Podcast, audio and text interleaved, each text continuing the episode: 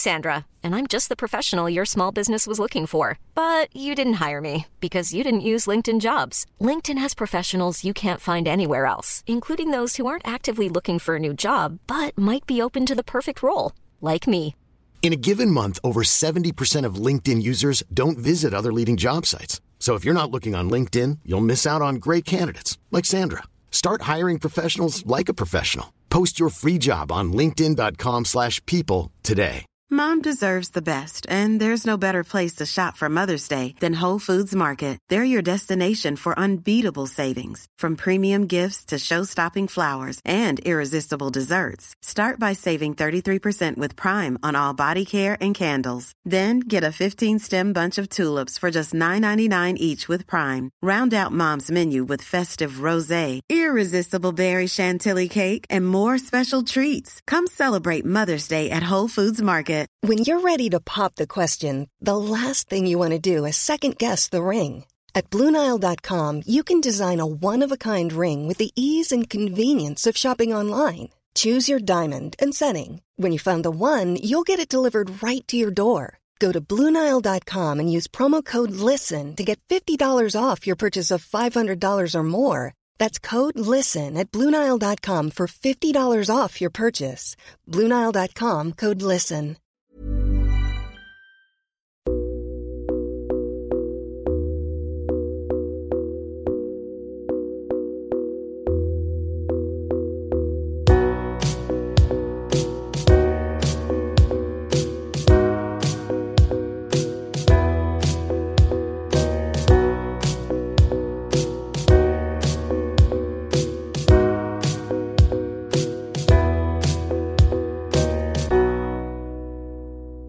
Lyssnar på Samtal, en podcast med fokus på fria samtal. Jag heter Jannik Svensson och producent för podden är Didrik Svan.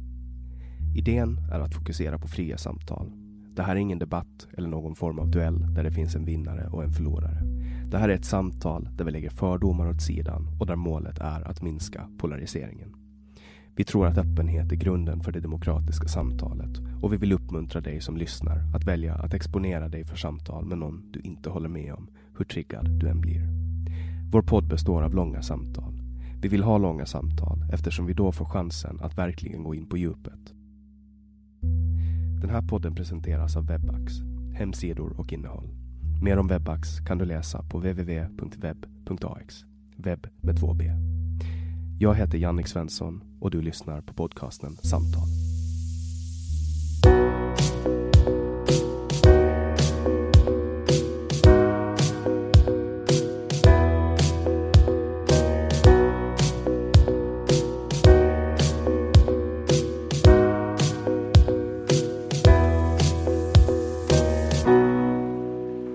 Anna-Rita Mecke Sjöstrand är folkrättsexpert och har jobbat med samhällsfrågor större delen av sitt liv, senast som lagberedare. Numera har hon sadlat om och jobbar med alternativ friskvård. 2010 dog hennes dotter Ragnhild i plötslig spädbarnsdöd. Välkommen hit, Anna. Tackar. Är det första gången du är med i en podcast? Det måste vara faktiskt, ja. Ett tag där i min ungdom var jag mycket på radion, där på Radio Vega Åboland och sådär. Det, det är inte riktigt samma sak för det, eh, det betalas ju av, av staten. Så, och det här är ju helt frivilligt. Men har du lyssnat på något av samtalen? Jag har lyssnat på några, ja. Sen har jag börjat lyssna på några. Och sen Mm. har jag liksom börjat med något annat och så glömt bort att lyssna färdigt. De är ju, de är ju ganska långa. Det har ju formatet till de här podcasterna. Men eh, du är folkrättsexpert. Var har du utbildat dig? Jag läste viss statsvetenskapliga i Åbo akademi. Just det. Och sen har du bland annat jobbat som, som journalist. Var huvudsakligen vid lokaltidningen på Kimitoön. Just det. annonsbladet för Kimitobygden, Kemiön, Saaren, Ilmoituslehti, så en av de tvåspråkiga tidningarna. Skrev du både på svenska och finska? På svenska så blev det översatt. Någon gång skrev jag direkt på finska också. Men du, du kan finska lika bra som svenska eller? Nej, inte lika bra som svenska, men jag pratar finska med min pappa. Just det. Och sen har du ju ett spännande språk i din arsenal som du inte delar med så jättemånga människor. Du pratar esperanto. Mm, det kan man säga att är min livslånga passion. Jag började när jag var 16. Kan, kan du berätta lite om esperanto? För att jag tror att det är ganska många som inte känner till vad det är för någonting. Jo, det är intressant att det är ganska många som vi inte alls känner till nu. Jag tycker då på 80-talet så var det många som trodde att de visste vad det var och hade en massa fördomar. Och nu är det mera att folk är öppna för att de ingenting vet. Mm. På sätt och vis, men världen har förändrats så mycket. Det finns så mycket tillgänglighet och man kan slå upp, man kan skriva in esperanto i en sökmotor så får man liksom ja, kanske miljontals träffar eller liksom jättemånga träffar. Så det går inte längre att säga att det inte är någonting som existerar. Men det här är alltså ett språk som någon uppfann? Det kan man bra säga, ja. Det var en ung kille på, på 1870-talet i Bialystok som numera hör till Polen i ryska imperiet eller Litauen. De, så alla, både Ryssland, Litauen och Polen kan, kan anse att han hör till deras och kanske Israel också för han var jude.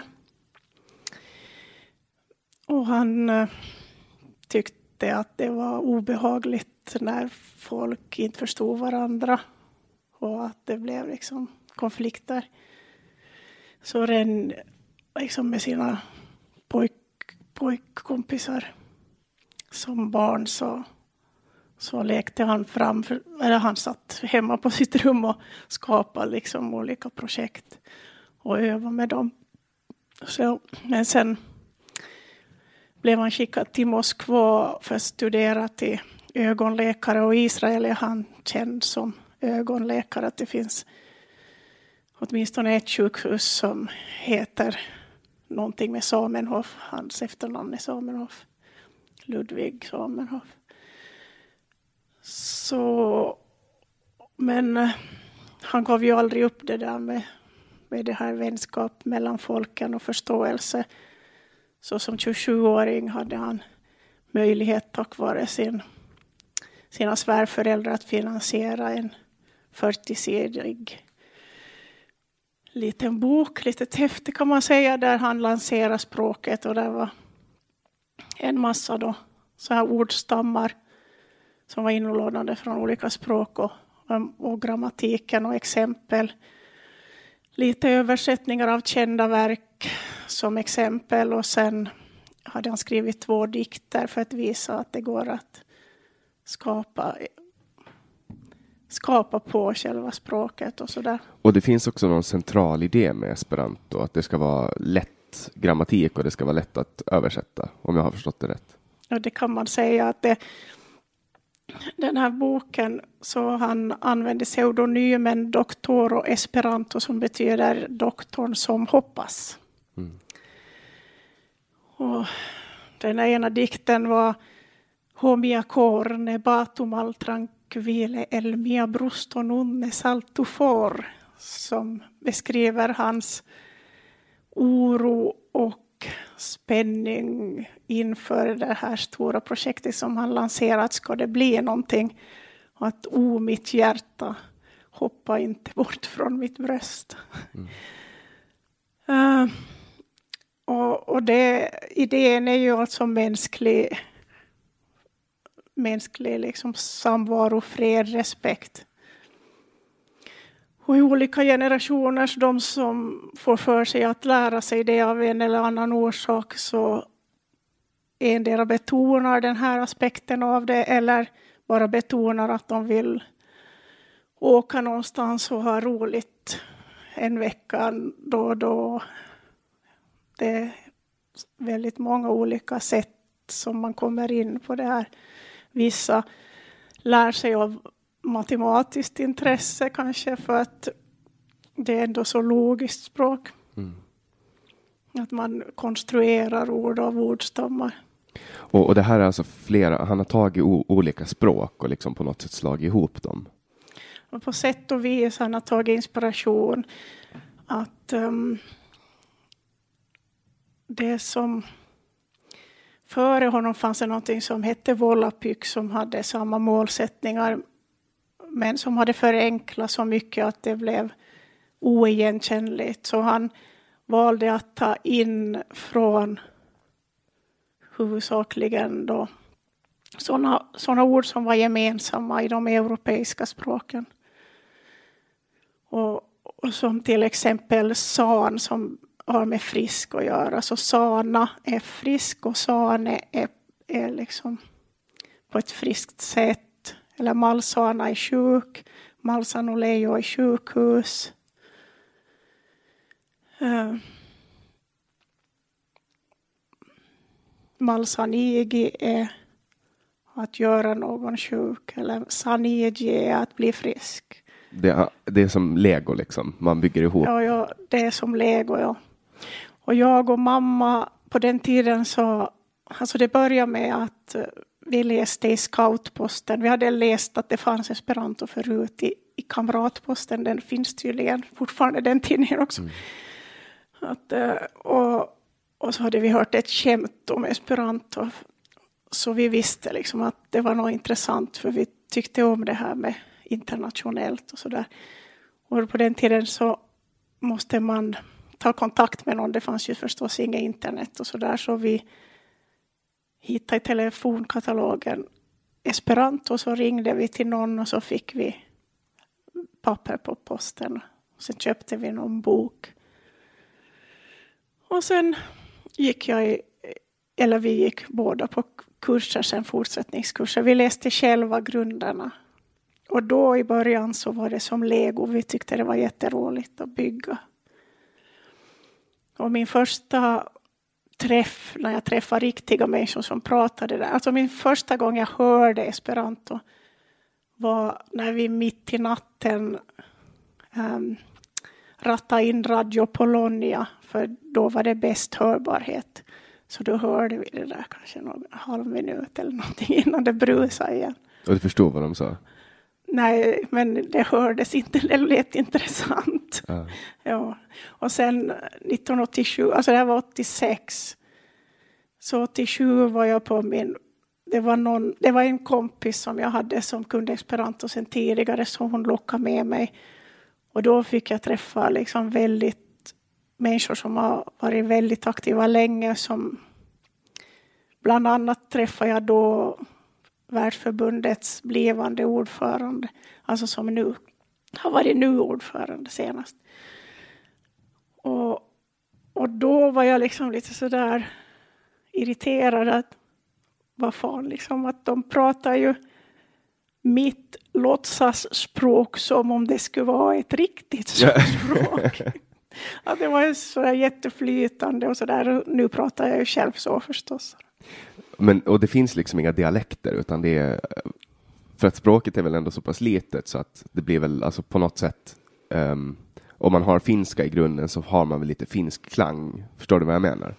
Ja, det, det går ju att uttala esperanto fel och rätt och det finns många sätt som är rätt, alltså som olika klanger på bokstäver.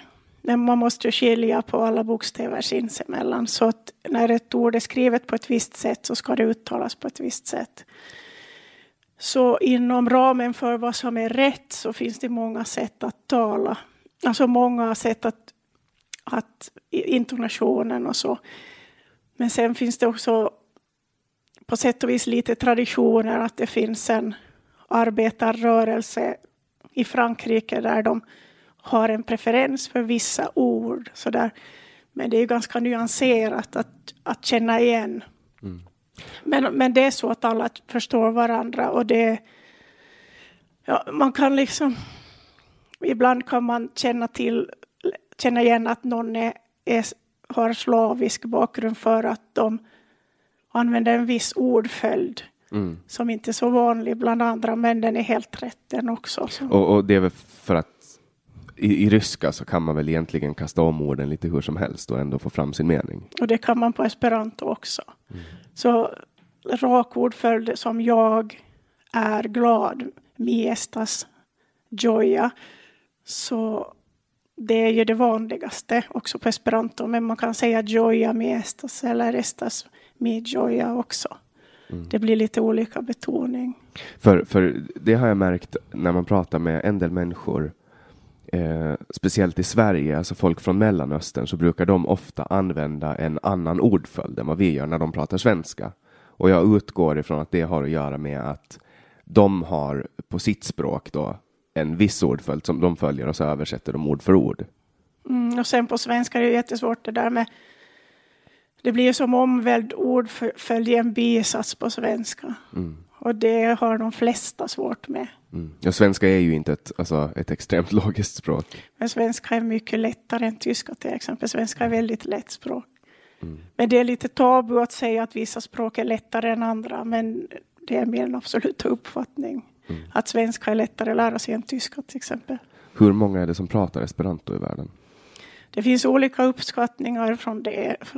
Och det så att en gång i tiden så kunde man lätt hitta um, 60 000 eller 100 000 medlemmar i esperantoföreningar och, och sådana liksom i världsförbundets medlemslistor. Men, men nu så är liksom medlemsantalet har, har sjunkit enormt mycket, så som i de flesta organisationer. Men sen å andra sidan så tror inte jag att antalet talare har, har minskat. Så, och det är också jättesvårt att bedöma att hur mycket hur mycket liksom hur bra ska man kunna för att det ska räknas och så där. Mm. Så det brukar som, som variera uppskattningarna från 100 000 till 10 miljoner. Det är en ganska bred. ja, men om man tar alla som har gått esperanto-kurs någon gång så är det ju absolut mer än, mer än så till och med. Men man har ju glömt då för det mesta. Det mesta. Finns det några kända personer som pratar esperanto? Oj. Ja, vet du, nu kommer jag säkert på bara några historiska typer. Men har, har du någonsin stött på någon att du har varit ute och, och rest eh, och helt randomly bara stött på någon som du kan prata esperanto med? Um, ja, det borde man ju ha kommit ihåg. Alltså det är så att om man åker till en stad där det råkar vara en esperant, ett esperanto-evenemang så då stöter man ju på dem hela tiden. Men um, jag har ju stött på så att jag har pratat esperanto på bussen i Helsingfors och så är det någon dam som har vänt sig om och sagt någonting. Mm. Men det är ovanligt. No? För, för jag menar, det är ju alltså eh, jag har noterat att det går på en del tjänster när man, när man typ ska välja språk så finns esperanto med. Uh, i, i alternativet, alltså typ om man vill logga in på Facebook eller installera något program så kan man installera det på esperanto. Men i övrigt, det jag vet om, om språket är det vi läste i skolan när jag, var, när jag var ett barn. Och då sa de typ att, att man en gång i tiden ville att hela världen skulle, att det skulle bli liksom ett världsspråk. Att man skulle förena hela världen i ett gemensamt språk. Men det har ju snarare nu blivit spanska, engelska och, och kinesiska som är de tre go-to-språken. Men inget av dem är egentligen så, eh, alltså, jag har inte så jättemycket gemensamt. Ja, det, den visionen har ju inte förverkligats. Att jag kan inte gå och köpa en kopp kaffe i Madrid. I och för sig kanske de förstår min esperanto bättre än min svenska. Då, mm. För att det finns liknande ord. Men det har förverkligats att man kan prata esperanto fullständigt. Mm. Och om man träffar de andra som också kan. För, och det är ju som ett stort nätverk runt om i världen. Man ville väl att, att alla skolor skulle lära ut esperanto. Att det skulle vara liksom målet, att alla typ i Europa skulle lära sig esperanto. Ja, hela världen. Men det där, det har ju funnits, i Ungern var det jätte, jättemånga barn som läste esperanto på 80-talet. Jag vet inte när det började, jag vet inte när det slutade, men nu är det ju inte så längre. Mm.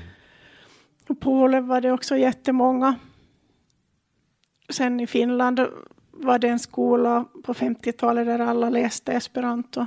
Mm. Men det är inte vanligt, jättevanligt. Alltså det finns alltid någonstans någon skola som har esperanto förstås. Och det finns universitet där det finns esperantoundervisning och så. Finns det några po populärkulturella eh, karaktärer som har använt eh, esperanto på något sätt? Alltså Michael Jackson, när han lanserade History så hade han esperanto med i sin lanseringsfilm. Mm. Så han är väl kanske den absolut mest berömda typen som använt esperanto i något sammanhang. Sen finns det ju några science fiction-filmer med esperanto och sånt där. Mm. För att de ville ha något neutralt språk. Mm. För, för Tolkien uppfann ju egna språk eh, till eh, Sagan om ringen. Det var ju ganska intressant. Alltså, det finns ju folk som pratar typ alviska. Mm. Och, och det, det är också men han, var ju, han, han, var ju, han, kunde ju, han kunde till och med svenska om jag har förstått det rätt. Han var ju väldigt, väldigt intresserad av, av nordiska språk. Jag har för mig att han kunde esperanto också, men det är oklart det där. Mm. Men du är väldigt språkligt intresserad. Du har ju bland annat varit aktiv inom, vad hette den föreningen? Finlandssvensk samling. Så var det. Uh, och det är då en, en intresseförening för svenskan i Finland? Ja, för finlandssvenskarna. Mm. Och den grundades ju 2001 och då var jag med på grundande möte i Björkboda på Kimitojen. Behöver man kämpa för att ha kvar svenskan i Finland? Det beror på om man anser att den har något värde. Mm. alltså, är den hotad? Kämpa behöver man ju i så fall om man vill ja. att det ska. Men är, är den hotad? Om vi ser det på ja, det är väl ganska självklart tycker jag. Mm. Det beror på hur man menar hotad. Att den är på väg att dö ut eller? Ja, det minskar ju Alltså befolkningsökningen på svenska är ju mindre än på finska. Mm. För jag menar, kollar man på alltså, finlandssvensk kultur så är det, det är ju otroligt mycket eh, finlandssvensk kultur som finns i förhållande till antalet svenskspråkiga i Finland. Det fanns ju många rika svenskspråkiga som donerade massa pengar till, till Kulturfonden. Och... Amos Andersson och Runeberg och Ja, det, det är de där fonderna mycket som håller liv i det svenska kulturlivet. Utan dem så skulle, inte, så skulle det inte egentligen vara så mycket, antar jag? Jag tror att det inte skulle vara så mycket. Det finns ju statliga grejer också, men det intresse för det svenska i Finland har ju minskat under min livstid enormt mycket. Så. Mm. För, för jag menar, alltså, kollar man på eh, finlandssvenskar så är det väl vad är det, 200 000? Ja, det är mer än 200 000 fortfarande. Man brukar prata om 300 000 när jag var mindre och 6 procent. Men det är väl, jag vet inte senaste siffrorna, men kanske det är nog kring 250 000 och, och 5,5 procent eller vad det kan tänkas vara. Mm. För den här språkliga skillnaden gör ju att jag till exempel, jag är ju finsk medborgare, men jag känner mig inte som, som en del av Finland. När jag, alltså på, det är en stor del av identiteten som fattas när inte jag kan finska. Förstår du hur jag menar? Mm. Att det blir ju, en, det blir ju som en spricka och, och på något sätt så uh, blir man ju en minoritet. Även om man inte är utsatt. F förstår du vad jag menar? Ja, det är en minoritet det är intressant också ordet minoritet är liksom stämplat som någon slags underordnad grupp mm. i, i Finland.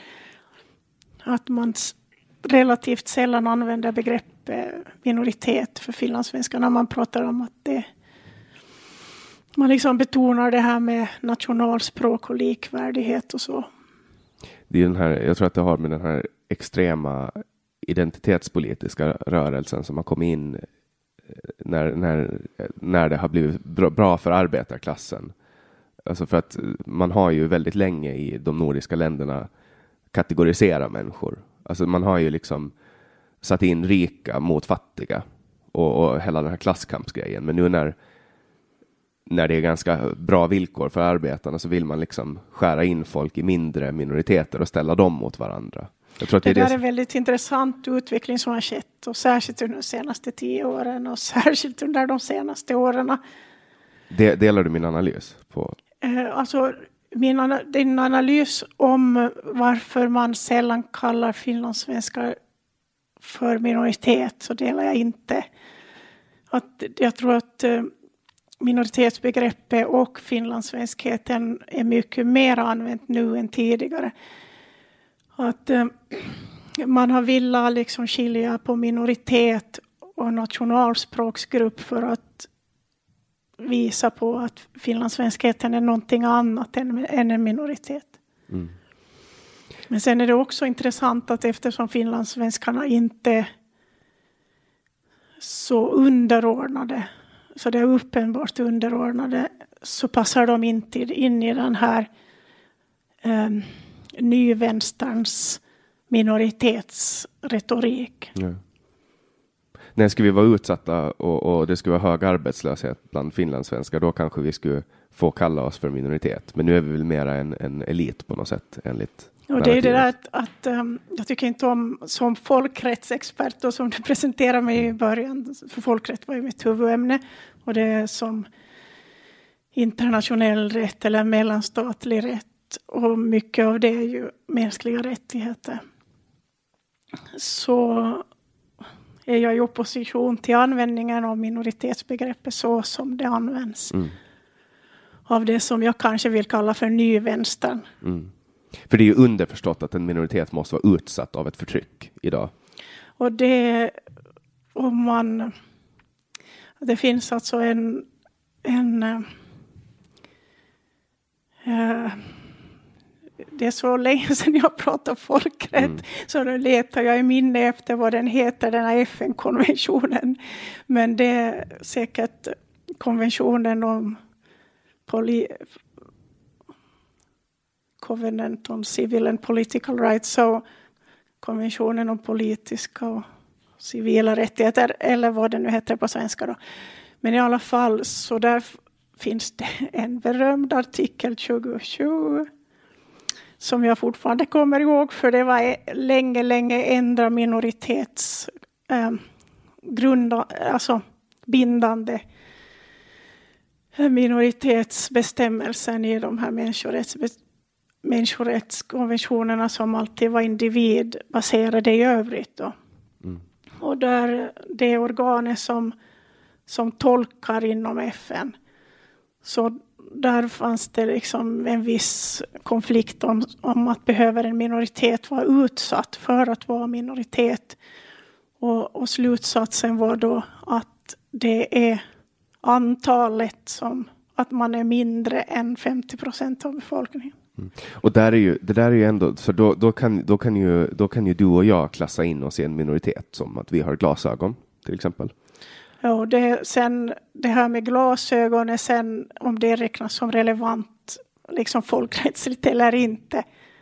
Att det är ju hur, om, om, om ett rättighetsbegrepp. Men det mm. finns ju ett visst handikapp kanske där då. Mm. Och, och, det där är alltså, jag, jag är ganska trött på hela den här Eh, identitetspolitiska rörelsen därför att allting handlar om att skapa konflikt, alltså skapa en konfliktyta. För Precis, det, absolut.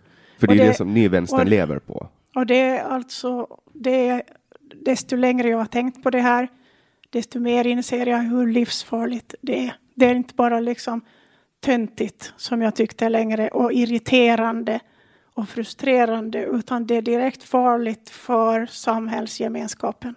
Ja, det var ju, det var ju precis så här Hitler och Mussolini gjorde. Det är det som är det allra farligaste och det är det som är det allra farligaste att antifascismen är det mest fascistiska vi har idag. Mm. Ja, det är ju någon form av projektion de, de jobbar med. Det är också att vänstern är den mest antisemitiska rörelsen av alla etablerade rörelser i Sverige.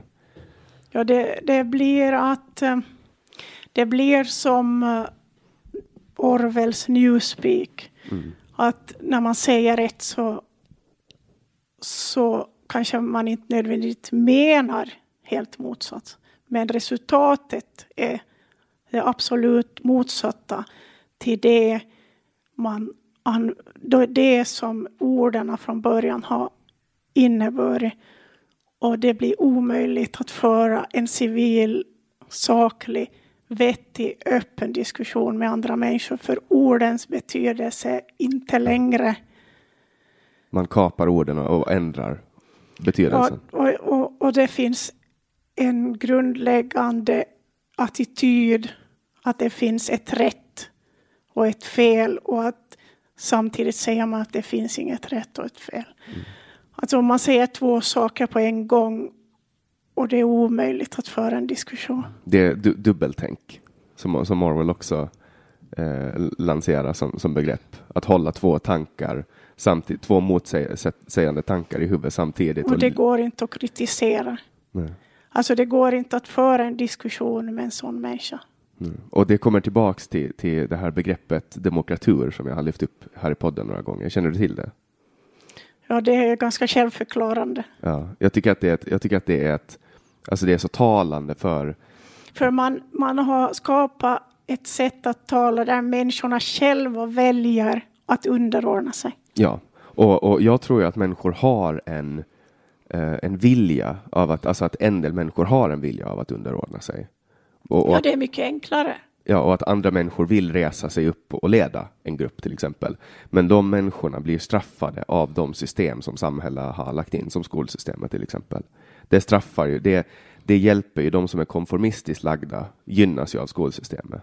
Och de som är Samtidigt är det så att så som skolsystemet fortfarande ganska långt är uppbyggt här och ganska långt fortfarande i Finland, fast tendenserna förändras är att man har ett system med autonoma lärare där den autonoma läraren använder sin personlighet, sin, sitt kunnande, sin styrka att lära ut på det bästa sätt som är möjligt. Och du som lärare behöver inte använda den metoden som passar den andra läraren. Ja. För det, om du är intellektuell och logisk som till din natur. Så då är du bäst som lärare om du använder din motivation att vara logisk och tydlig på det viset. Om du är jättebra på att leka med barnen, om du, om du har massor med fantasi som person och lärare, då är du bäst att följa det som du kan brinna för och som du kan förmedla Mm. Och så länge man har autonoma lärare som känner sig bekväma i sin egen autonoma roll så kommer de att uppmuntra autonoma elever. Mm. Ett stort problem idag är ju att det viktigaste som, som, som vårt skolsystem kan lära ut är källkritik. Men i skolan så lär man sig inte källkritik. Man lär sig vad som är rätt och vad som är fel åsikter. Ett bra exempel på det är någonting som utspelade sig när jag gick i högstadiet. Det var, och, och nu, nu kanske det låter som att jag på något sätt, alltså eh, Okej, okay. med, med, risk för att, jag ger en liten disclaimer nu, med risk för att det här ska låta konstigt. Men eh, vi pratade om förintelsen och, eh, i, i, skolan. Och så hände, det var någonting, det var någon eh, som, som refererar till att alltså, de här teorierna om att förintelsen inte har hänt. Och då fick läraren en... Eh, alltså hon blev extremt agiterad och upprättad och gav oss liksom en avhyvling och sa åt oss att ni får aldrig, aldrig, aldrig, aldrig ifrågasätta förintelsen. Det är inte okej. Okay. Det, det, då är ni nazister, liksom. Det var, det var kontentan av det hon sa. Och, och det är liksom i det här fallet så är det en sån självklar sak för att förintelsen har skett och det finns liksom dokumenterat att den har skett. Eh, men problemet där är ju inte att, att vi blir, alltså problemet där var ju att vi fick inte möjligheten att själva gå ut och ta reda på den faktan. För att jag tror att själva insamlandet av faktan, att vi lär oss att samla in fakta, det är det som gör att vi kan bygga ett kritiskt tänkande som vi kan ha användning för. Inte att vi blir upplärda vad, som, vad vi ska tycka och vad som är rätt att tycka och vad som är historiskt korrekt att tycka eller, eller känna inför en viss händelse. Och det är det som jag tror att, det, att, att skolsystemen måste premiera nu. Att, att lära barn att tänka och då handlar det också om att lyfta upp åsikter som är obekväma. För att om man inte får exponeras för de här åsikterna, alltså om man inte får ta del av människor som säger de här sakerna, eh, då är man inte beredd på att möta dem när man möter dem i riktiga livet, för man kommer att möta dem. Så någon gång kanske man studsar på en förintelseförnekare.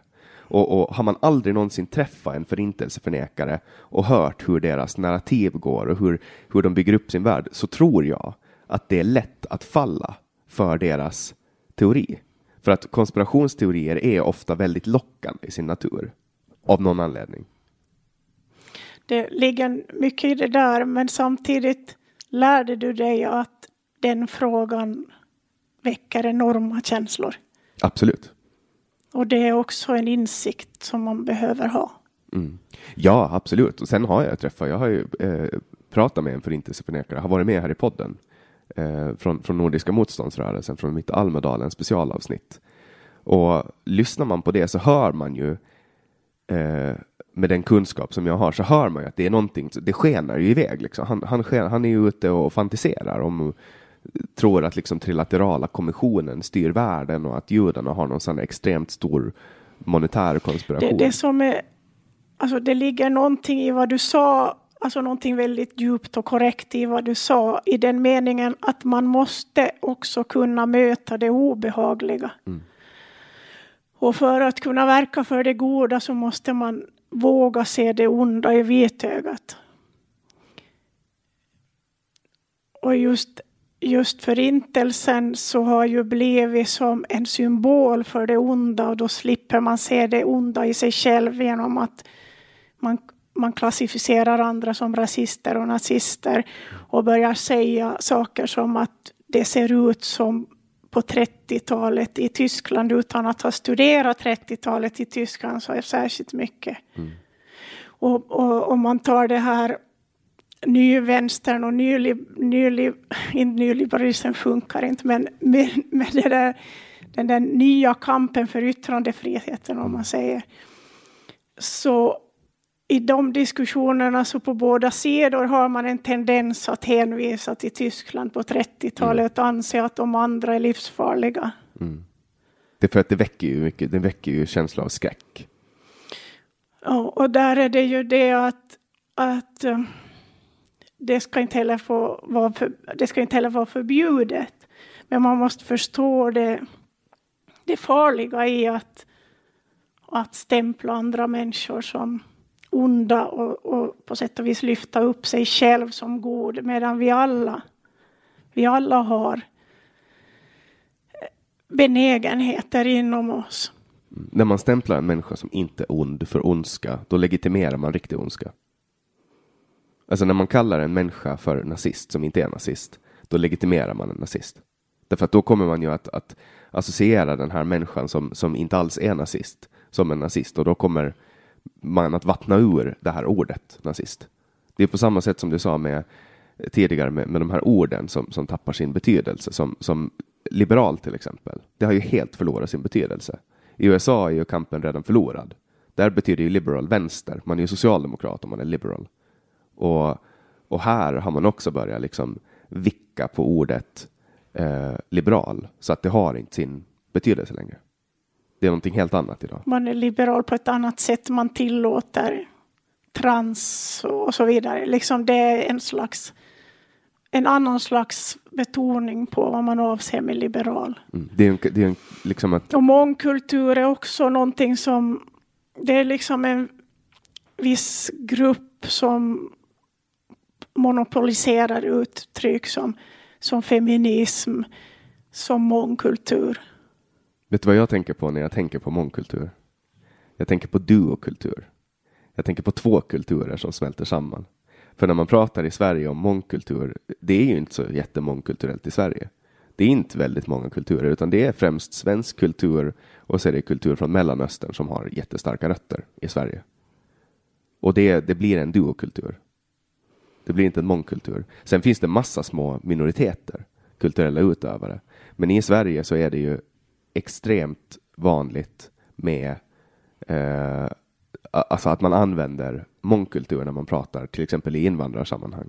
Så pratar man om att mångkulturen eh, berikar. Men jag, tro, jag tror inte att, att det är optimalt att, ba, att, att ha eh, om, om, man, om syftet med invandring är mångkultur och det mångkulturella samhället så tror inte jag att det är så bra att man eh, premierar en del av världen och utesluter en annan. För vi har haft extremt lite invandring i de nordiska länderna från, eh, från, från Indien till exempel, från, från eh, eh Asien, eh, från, från Ryssland, alltså från Mexiko. Vi har jättelite invandring från, från de ställena. Ja, just mångkultur är någonting som jag vägrar låta definieras av andra. Mm. Att för mig betyder mångkultur fortfarande eh, många kulturer och, och, respekt för olika kulturella uttryck, uttryck och yttringar. Och då finns det också många politiska kulturer, många åsiktskulturer, många alltså landsbygd och stad till exempel är två jättestora kulturella gemenskaper. Och någon gång för länge sedan har jag redan sagt att en jordbrukare från, om vi nu tar Saltvik, och en jordbrukare från Senegal har mycket mer gemensamt än de från Stockholm till exempel. Mm. Ja, alltså mångkultur har ju fått ordet, alltså att det handlar om, om uh, invandring. Det är väldigt tätt sammankopplat. Man är liksom knutit, uh, man har knutit ordet till ett idealsamhälle, till, till en utopi på något sätt. Och den utopin, den definieras egentligen aldrig. För man, om man skulle gå in och, och fundera på vad är det man egentligen menar, skulle man stöta på problem. Mm. Och som, som folkrättsexpert så är det också intressant med, med, när vi pratar för en stund sedan om, om förintelsen. Det är ju enda gången, vad jag vet, i världshistorien som man har stiftat en lag och sen retroaktivt eh, dömt folk. Alltså, Nürnbergrättegångarna menar du? Ja, det är väl det enda undantaget. Ja, det är väldigt speciellt.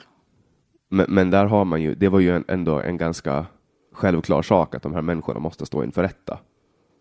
Ja, man, man skapar begreppet folkmord. Mm. Och brott mot mänskligheten. Och brott mot mänskligheten, precis. För att, för att man kunde, det, det var ju lagligt det de gjorde i Tyskland. Alltså enligt deras lagar så var väl... Ja, det där är jag inte riktigt insatt för, på. Det är ju, mord var ju säkert Alltså jag är inte alls säker på att det var egentligen lagligt i Tyskland. Jag, jag vet menar... inte om de någonsin stiftade sådana lagar som gick ut på att man skulle mörda folk i, i gasa ihjäl folk i För allt som Hitler sa var väl lag i princip? Han var, stod väl över lagen på något sätt? Ja, jag tvivlar egentligen på det där, men men han var ju demokratiskt vald. Men så bra kan jag inte Tyskland att jag skulle kunna säga att man faktiskt hade stiftat de lagarna, helt gått igenom hela den processen, utan han hade ju tagit den här diktatorsrollen. Ja, och det, han var ju demokratiskt vald till en viss eh, punkt, men sen när han började mörda oppositionsmedlemmar och, och, demontera det demokratiska systemet, då var han ju inte det längre. Alltså, mm. Tekniskt sett så var han ju det från början, men han skulle inte kunna liksom Um, och man inför, man, man liksom skapar också begreppet juskogens, alltså sån, sån, sådana rättigheter eller skyldigheter som är oberoende av, av statens anslutning till konventioner gällande. Och, det, och där anser man just att folk, folkmord är gäller liksom oberoende av om man har anslutit sig till vissa konventioner eller inte. För jag tycker ju till exempel, och det är en ganska kontroversiell åsikt, att eh, norska staten till exempel borde kunna döma Anders Behring Breivik för någon form av folkmord. Alltså, han gjorde ju ett åsiktsmord. Han försökte ju eh, döda en hel generation av åsikter. Eh, och, och jag tycker att han borde kunna dömas till döden för det. Och jag är ju emot dödsstraff. Mm. För... Oberoende om man heter Saddam Hussein eller, eller Breivik eller, eller bin Laden så är jag emot dödsstraff. För jag, jag, tycker att det är helt orimligt att, att norska staten upprätthåller hans liv med sådana extrema resurser och låter honom utbilda sig och låter honom leva ett bra liv i fängelse när det han vill göra är att sprida sin fruktansvärda ideologi. Jag, har, jag anser att han också har rätt till sin yttrandefrihet. Mm. Han hade inte rätt att göra det han gjorde. Att han sköt enorma mängder människor. Mm. Men jag tänker som så att man man borde man borde kunna bemöta obehagliga åsikter med fakta, med intresse, med nyfikenhet. Att varifrån, hur har den människan utvecklats till det han har utvecklats till? Och han är ju då extrem. Men om, man har, om staten har rätt att mörda honom, var går gränsen? Mm. Alltså jag tycker att, jag tycker att har, man, har man dödat åtminstone 50 ungdomar eh, medvetet så, så borde staten ha rätt att liksom släcka ens liv på grund av att han har så lite att tillföra till samhället. Alltså han är en, han är en börda för samhället för, för det han har gjort. Och, och jag förstår att det är en kontroversiell åsikt, men, men jag tycker på riktigt att, att uh, han, han borde avrättas. Alltså det, det är många som är sympatiskt inställda till din åsikt. Ja. Men jag, min uppfattning är, är, klar på den här punkten. Att, att också en mördare och en mördare av den rangen är en människa. Mm. Är det. Och, och det förebyggande som, som man behöver satsa på. Att det är ändå det norska samhället som har, har eh, uppfostrat honom också och då måste man hantera att han finns. Och jag upplever inte att genom att utrota människor att man utrotar idéer. Man skapar lätt martyrer. Mm. Ja, för jag, jag, tänker bara att alltså, jag tycker inte att man ska, att man ska avrätta vanliga mördare inom citationstecken. Men när det kommer till, när det kommer till systematiskt planerade avrättningar så tycker jag att man ska besvara med samma mynt. Eh, och där, där, inom den kategorin så, så, tycker jag också att, att Rakhmat Akilov, han som, som körde den här lastbilen på Drottninggatan, Eh, jag, jag, tycker att han faller in i den kategorin. Jag ser liksom ingen anledning att, att vårt välfärdssamhälle ska, ska upprätthålla deras människors liv och, och höja dem till ett, till ett människovärde när de anser att andra människor inte är värda att, att få finnas. De är liksom sådana extrema fall av vidrighet. Att de bara, bo, alltså. Det är ju det att när när alltså du, du är beredd att dra gränsen där och det är ganska sympatiskt och det är ganska förståeligt. Men eh, det förutsätter att du har en stat som du litar på. Mm. Du kan också ha en stat som är övertagen av sådana makter som kanske har någon som viskar i ditt öra att om inte du dödar de här 50 människorna så kommer du att dö och dina, alla dina släktingar kommer att dö. Mm. Och sen har de rätt att döda dig som varning. Ja. Jag, tycker, jag tycker ju att, att rättssamhället, alltså om jag skulle få konstruera ett rättssamhälle så ska jag konstruera det på ett helt annat sätt. Då ska det vara liksom eh, en, en minimal stat och så ska det vara ett rättsväsende eh, där folket väljer domarna och att domarna upprätthålls, deras makt upprätthålls, deras dömande makt upprätthålls av deras goda anseende Eh, och, och sitt rättvisa sätt att döma människor. Att, att eh, den dömande makten ska balanseras på ett annat sätt än vad den görs idag. Och sen såklart de med flera instanser, men, men det är, jag vet att det är en extremt kontroversiell åsikt eh, att, att vara för dödsstraff och jag är inte för, jag är inte för att vi ska ta in dödsstraff i, i Finlands eh, grundlag eller att nordiska länder ska ta in dödsstraff, men jag tycker att man ska kunna göra eh, undantag i fall av till exempel Anders Behring Breivik. Han kommer ju att sitta inlåst hela sitt liv. Ja, det får man hoppas. Vad kommer han att utföra? Liksom? Jag, jag förstår inte vad hans Alltså han har förbrukat sina chanser, förstår du vad jag menar? Han borde ha blivit skjuten på plats. Ja, men du har ett effektivitetsargument där. Och det är farligt när man inför effektivitetsargument. Alltså, tänk, du tänker på eh, sparande av resurser? Ja. Mm. Det, jag tycker bara inte att... att... Alltså det är inte, det är inte irrelevant. Det är mm. absolut inte irrelevant. Men det är ändå... För, för i, ett, i ett samhälle där... Om det handlar om människoliv och, och, och statens rätt att döda så... Vi har redan krig som vi försöker undvika. Som vi borde. Ja, där har ju staten rätt att döda hur mycket som helst. Det inte hur mycket som helst. Ja, men det är bara att bestämma. Alltså, folk skiter ju i, eh, i krigslagar så fort det blir krig. Men ändå försöker de alla påstå att just jag har, just minst att ha upprätthållit dem. Så de alla, de stärker dem samtidigt. Mm. För jag menar staten har ju redan rätt att döda nödvärn, det är ju en sak, men det tycker jag är helt rimligt. Men, men att om Finland förklarar krig mot Sverige, då, har ju, då kan ju Finland ge fullmakt åt en 18-årig kille att skjuta svenska soldater, fiendesoldater. Och då har man liksom, det blir man inte straffad för. Det får man medalj för. Desto fler man skjuter, desto bättre. Men anfallskrig är förbjudet fortfarande. Och därför försöker alla hitta, hitta det där typ som USA. legitimitet för man hittar på det här med massförstörelsevapen. Och, och, och, men FN har ju rätt att, att i vissa syften starta krig. Fre, fredsbevarande styrkor. Mm. Mm. Sen har du nu på senare tid eh, sadla om till alternativ friskvård. Vad är alternativ friskvård för dig? Det, det är ett sätt att hålla mig själv frisk. Och alternativ, då utgår jag från att det är inte det som är det etablerade, det som staten har satt sin approved-stämpel på. Mm. Det... Um, man, när man väljer någonting som inte är etablerat, som inte är det typiska, så har man ju någon inre motivation till det. Mm. Och för mig var det att eh, när min mamma dog äh, slutet av 2015 så rasade det ihop så småningom. Att jag, först tänkte jag att det var tillfälligt. Men jag har ju haft någon slags utmattning förut också, kanske två gånger tidigare i livet. Men eh,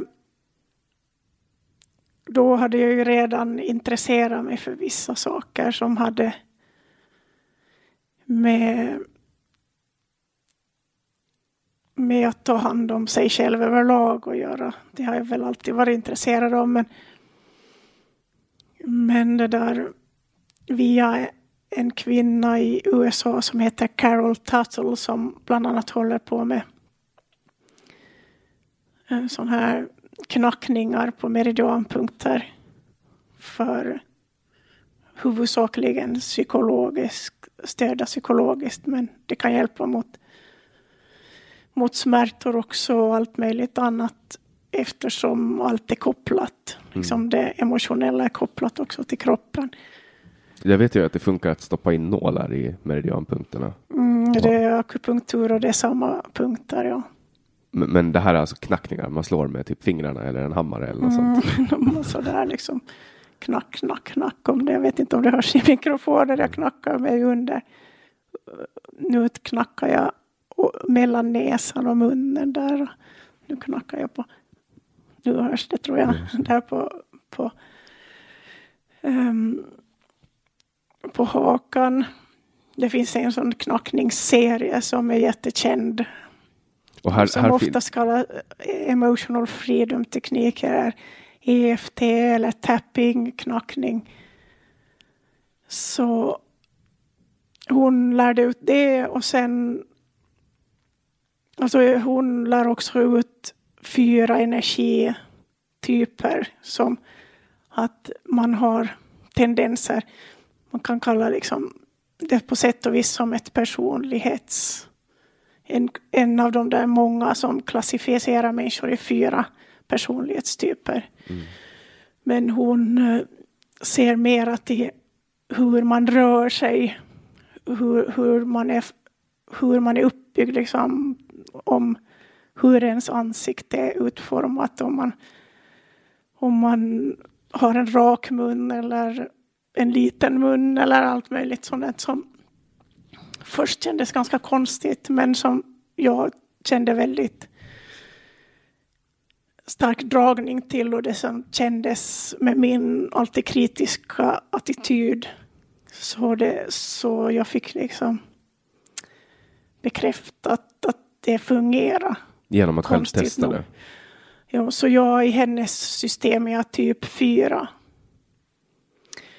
som är den enda som passar i svart. Hon, för hon också lär ut hur man klär sig för att för, bättre förmedla vem man är själv. Mm. Så att man, den bild man ger av sig själv i sin klädsel också återspeglar vem man är. Och då har man mindre problem att umgås med andra människor och känner sig bekvämare själv. Alltså som jag har förstått det med mycket alternativ medicin, alternativ eh, kosthållning etc. är ju att, att det här är ju alltså empiriskt bevisat. Att man har gjort det i 2000 år, alltså typ eh, ayurvedisk läkekonst. Mm. Det är ju någonting som, som, som man under många, många, många generationer, hundratals generationer har testat sig fram med olika örter och olika liksom, kombinationer och, och bara, man bara vet att det är så. Och så om någon får migrän så tar man grodblad och mosar ihop. Du förstår vad jag menar. För att man vet det, men sen är det liksom svårt att bevisa med den vetenskapliga metoden att det här fungerar. Ja, och sen är det så också att fast man hur har gjort vetenskapliga experiment och, och helt enligt alla konstens regler, vilket är dyrt förstås och därför gör man inte så mycket eftersom man inte har de pengarna. Så det är ju kanske inte de vetenskapliga resultaten som slår igenom. Nej. Och där så, så är, har jag ju med tiden insett att det är klart att det finns stora intressen inom, inom läkemedelsindustrin att, att inte ska att man inte så mycket främjar enkla sätt att bli frisk. Jag är ju jag är en mycket stor eh, kritiker till läkemedelsindustrin just för att jag ogillar fokuset på att, att man, man medicinerar bort symptom istället för att behandla orsakerna. Så om man har eh, eh, erfarenhet av psykiatri som du också har mm. och mera än jag, men jag har ju också. Så vet man ju att det kanske inte alltid är allt som funkar, fast vissa saker verkar ju funka. Som jag har för mig att litium är ganska bra medicin. Det trodde jag också. Ja. Och sen började jag ta litium för min bipolära sjukdom och det som hände var att, att jag, hade, jag, jag hade kronisk diarré, eller inte kronisk, men jag hade diarré varje dag. Och, och huden från mitt ansikte ramlade av. Så när jag kom ut från duschen och torkade mig i ansiktet så följde huden med liksom i stora korvar. Eh, Ursäkta, jag ja, men Det är fruktansvärt, det är ju tragikomiskt. Så det är okej okay att skratta. Och mina händer skakade så mycket så att jag, folk trodde att jag hade så här någon form av abstinens eller frös. Uh, det var den värsta upplevelsen jag haft i hela mitt liv. Och då och, funkar ju inte det för dig. Nej, absolut inte. Det Men det måste ju finnas olika preparat för det också. Men jag vet inte, jag har träffat människor som har anser att de har fått jättestor hjälp. Ja, nej, det, det har säkert hjälpt dem. Jag, har, jag tror ju på att jag, jag, är ju helt inne på, på det individualistiska spåret. Alltså att vi är ju olika. Vi, är, vi har ju olika DNA allihopa och olika arvsmassor och vi kommer att reagera olika på olika preparat. Alltså, mm. det, är som, det är som när min fästmö äter en tomat. Hon tycker det är jättegott. Och om jag äter en tomat så sväller min hals igen och så dör jag. Så att det är liksom, vi är ju helt vi är individer allihopa. Uh, sen det som har funkat för mig med min bipolära sjukdom, det är träning, uh, total avhållsamhet från sinnesförändrade substanser, uh, alltså alkohol och, och, alla former, alltså även, även också eh, smärtmediciner och, och hostmedicin i form av alltså kodeinpreparat. Alla former av, av eh, som, som kan förändra sinnet, för att det, det är ju en bipolär sjukdom är ju en sinnessjukdom kan man säga. Det låter ju hemskt att säga sinnes. Ja, det är dumt att ord be börjar betyda, alltså det är just det där att när man kom på det väldigt fiffiga ordet sinnessjukdom istället mm. för idiot eller imbecill eller ja, så. Eller mongoloid idioti som det hette förut. ja, så idiot, idiot och så vidare. Så sen mitt i allt så finns ju det som det är som ett dilemma det där för att när det finns själva fördomen mot de personerna så det nya ordet börjar också få en, en dålig stämpel ja. av det att fördomen finns. Mm. Så problemet är ju egentligen inte ordet utan Nej. problemet är ju de där fördomarna. Association, det är ungefär som, som CP. Det är en, det är en motorisk sjukdom men, men folk använder CP som, som de säger, om någonting är eh, konstigt, då säger de att det är CP. Det är liksom en, Eh, det har blivit som ett uttryck och, och det används ofta, ofta också i populärkulturella sammanhang, alltså i musik etc. Eh, kanske inte så rumsren musik, men du förstår vad jag menar. Det har blivit som ett etablerat skällsord och det är samma med sinnessjukdom. Men bipolär sjukdom, det är ju någonting som sker i, i sinnet. Det är också fysiskt till, till viss del då. Och allting hänger ju ihop. Det finns, jag vet inte ens var man ska dra gränsen för vad som är fysiskt och vad som är... Och det är också intressant att om jag har förstått rätt så är bipolär sjukdom i stort sett eller exakt samma sak som det man kallar för manisk depressiv förut. Ja, det var ju ett, ett äldre Och jag namn. tyckte det var väldigt praktiskt och talande namn.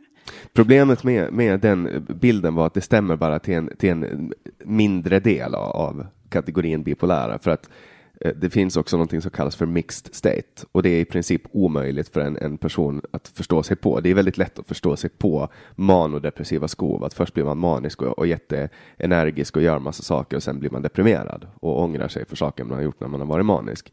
Men sen finns det något som heter mixed state och då är man manisk samtidigt som man är deprimerad.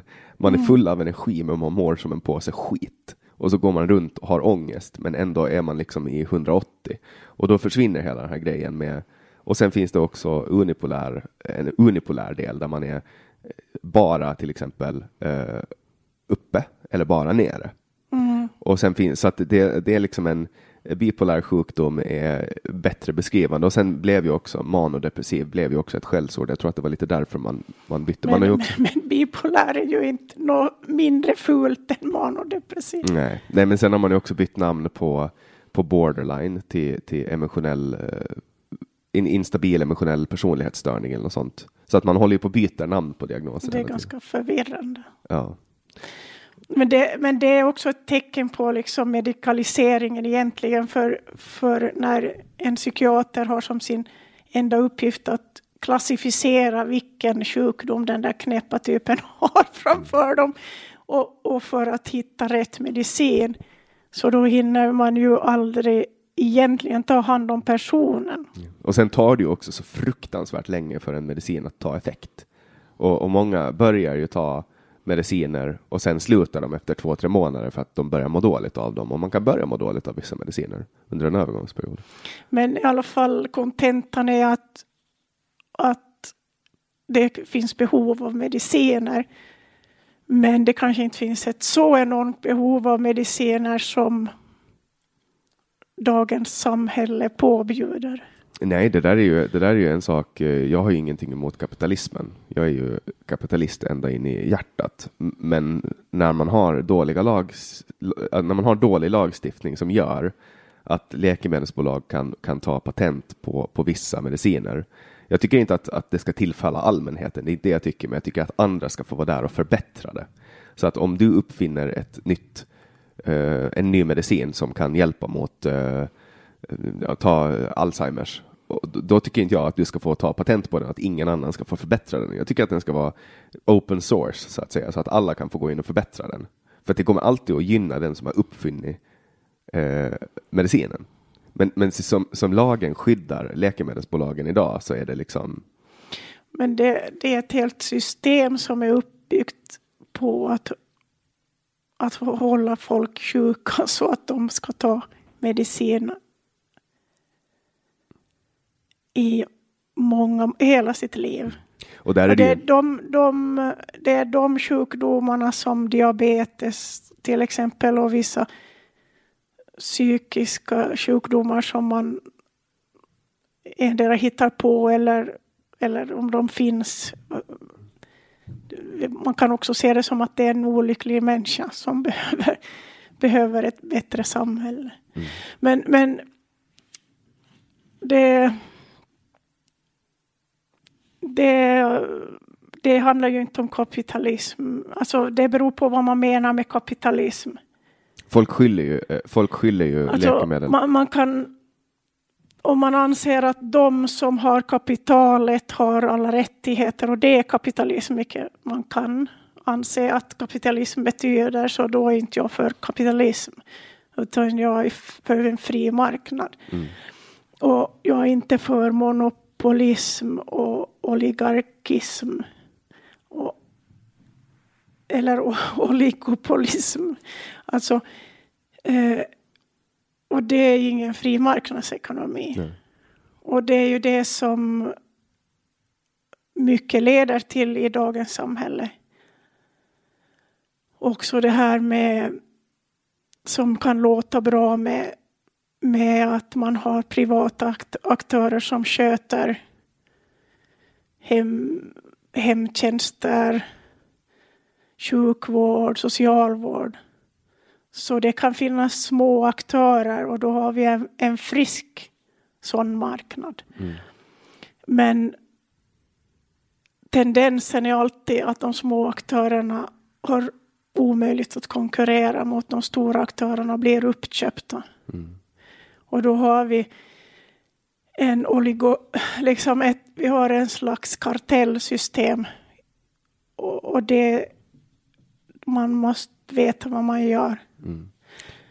Och det är nästan omöjligt att skapa ett system där man inte upp, uppmuntrar till karteller i praktiken. För det finns enorma, alltså de som vill ha kartellerna, alltså de är förstås tysta. Det är ju ingen som berättar att de har en kartell och, och fördelar marknaden mellan sig. Nej. Men det, är, det finns ju karteller här på Åland. Jag ska, inte, jag ska inte nämna vilken bransch det är för att då kommer någon att bli arg, men jag kan säga det efteråt vilken jag syftar på. Ja, no, det finns, det är klart att det finns. Men alltså om man, man tänker, tänker en lit, ett litet område som Åland. Så då är ju inte de kartellerna,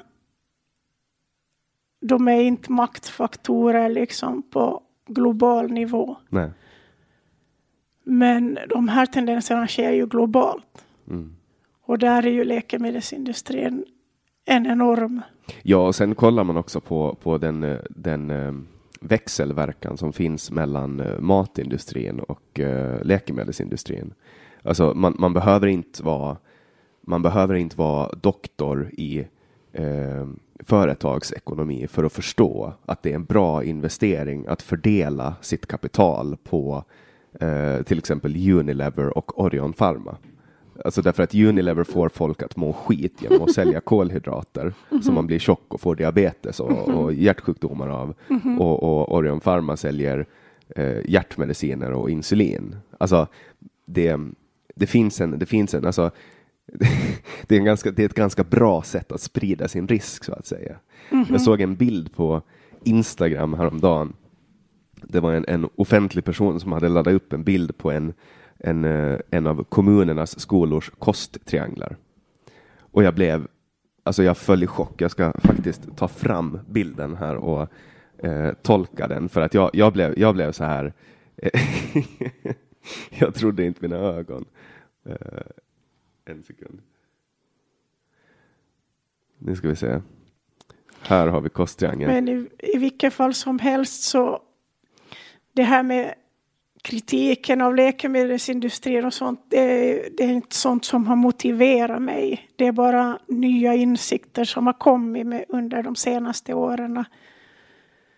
Utan det som har motiverat mig att hitta någonting som fungerar, som är enkelt. Och, jag, jag, hittar, jag hittar den här nu, kosttriangeln. Eh, då, alltså 50 procent av det enligt den här kosttriangeln som man ska äta, en gammal kosttriangel, du ser det är Alltså det är typ så här kanske 90-talsdesign på den här triangeln. Men 50 procent av det som, som man ska äta enligt den här skolans kostråd, det är kolhydrater.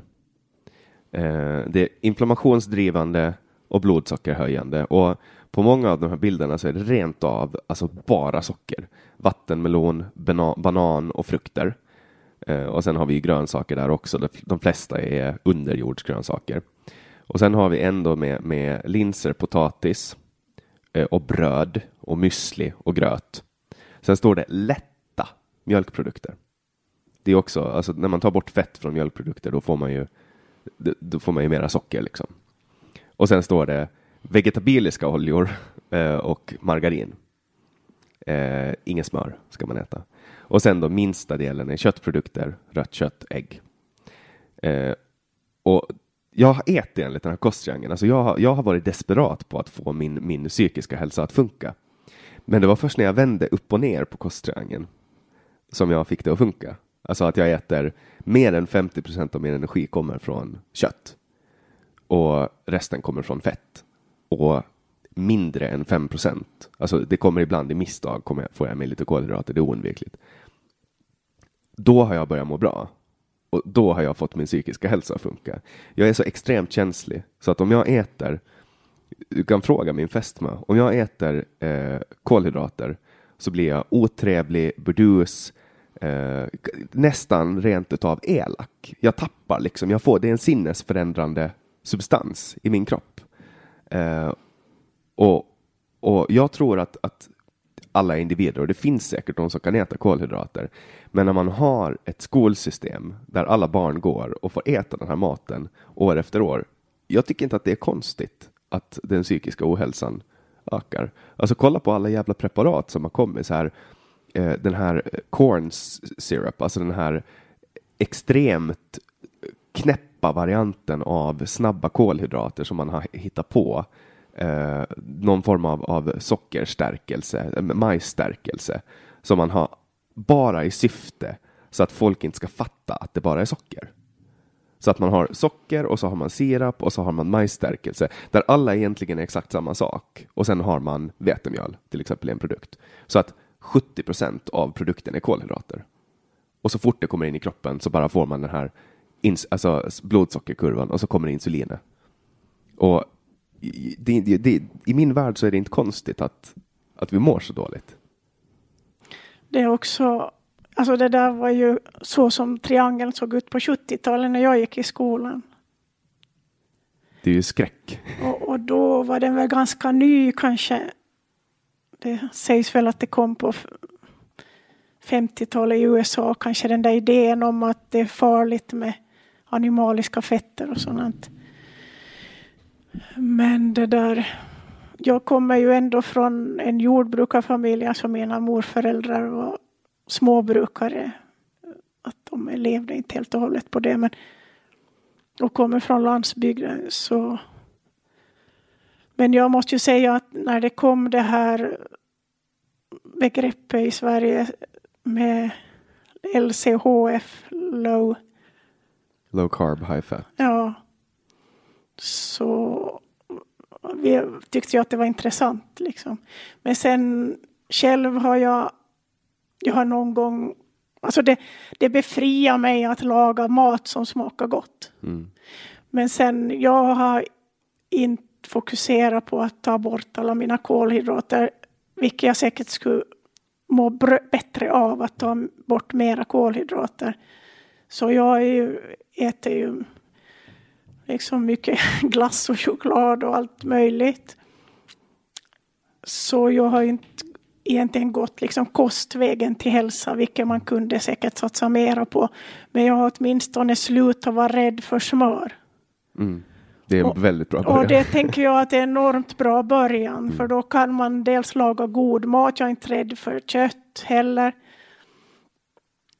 Så man får ju i sig liksom mera näring och då ibland så är jag ju inte så sugen på den där chokladen ändå. Så det kan ju gå dagar när jag inte alls är sugen på sådana saker. Mm. Men eh, det som sen jag hittade är en kvinna som heter Donna Eden i, i USA. Och jag hade då den liksom sådär typ 2015, vilket är ju bara fem år sedan, men, men det hinner hända mycket på, på några år. Kanske redan första gångerna lite grann 2013, 2014 så hade jag fått reda på att det fanns en sån kvinna som, som var jättebra på att hjälpa människor till hälsa. Och, och hennes man håller på med de här knackningarna. Han är psykolog och han har varit forskare i John Hopkins. De här knackningarna som jag pratade om förut som i första hand används liksom mot fobier och alla möjliga sådana saker. Som har haft jättegod effekt. Men eh, och han började med det ganska sent i livet. Långt efter att hon började med sitt. Så men hon en sprudlande ung dam på 76 år. Som, som för evigt ung som säger att man ska ta en nybörjar nybörjarattityd till livet. Att man kan alltid lära sig nya saker. Man är aldrig fullärd och det är roligt att, att upptäcka. Och, och det tycker jag om, den där öppenheten.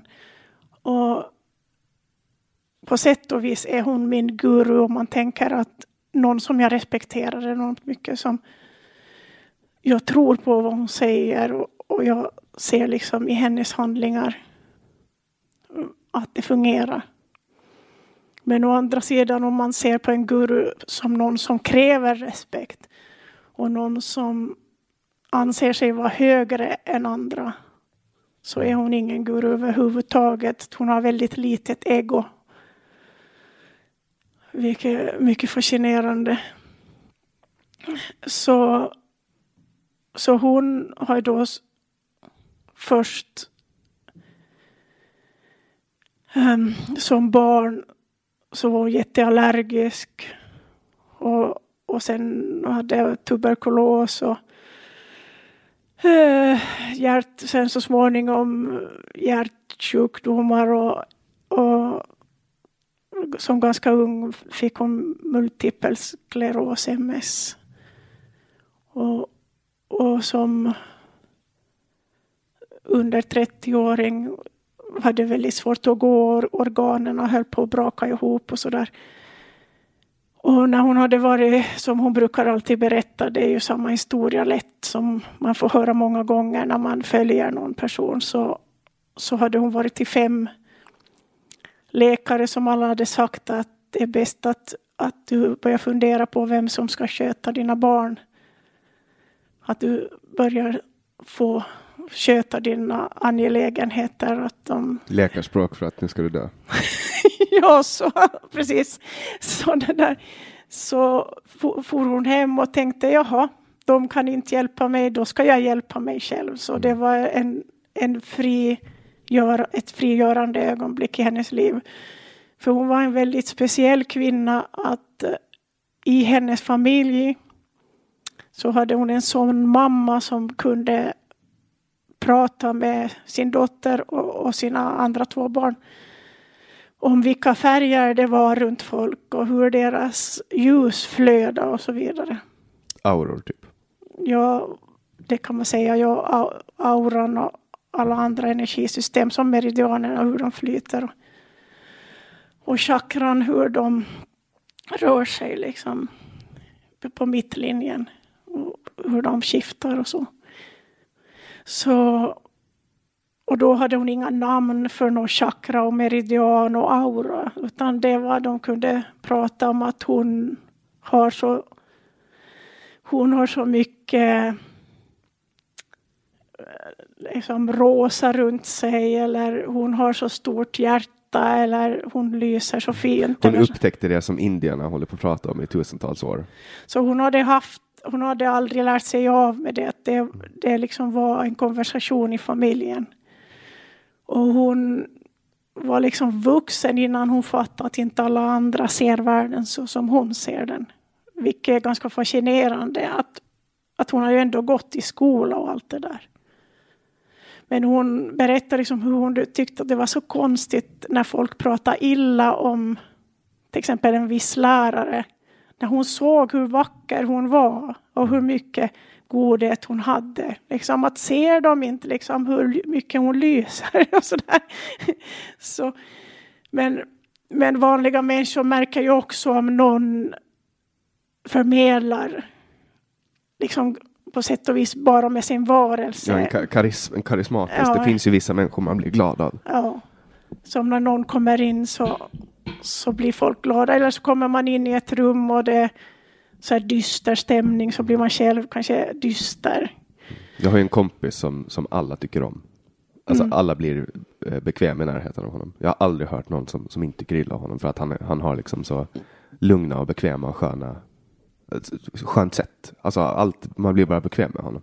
I alla fall så då började hon experimentera så såg hon att mellan hennes höft och hennes knä så var det liksom mörkare då. Att det, att, att det flödade inte som det skulle. Så, så satt hon och höll, höll sig liksom ovanför benet och på knä. Och så tittade hon och så såg hon att det kopplade ihop.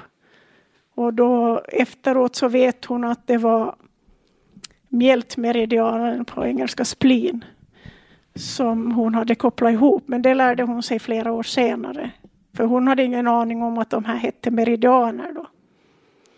Men hon fick sin, hon stärkte sin, sin mjältmeridian då. Och sen började allergierna försvinna och efter två år så hade hon ingen MS längre. Mm. Och, och så småningom efter diverse händelser så kom hon till, hittade hon en utbildning som heter Touch for Health som är eh, kinesiologi för icke-kiropraktorer. Alltså rörelselära men tillämpad rörelselära där det ingår förutom musklerna så ingår det kopplingar till meridianer och andra energisystem. Och det, då så såg hon ju det som eleverna testade sig fram till. Men hon lärde sig då också att muskeltesta de samma sak som hon redan såg. Och det innebar att hon kunde visa för andra vad hon såg genom att visa muskeltesterna. Och också för den som hon hjälpte för hon blev så entusiastisk när hon hade kunnat hjälpa sig själv att hon ville liksom... Så hon började hjälpa andra. Mm.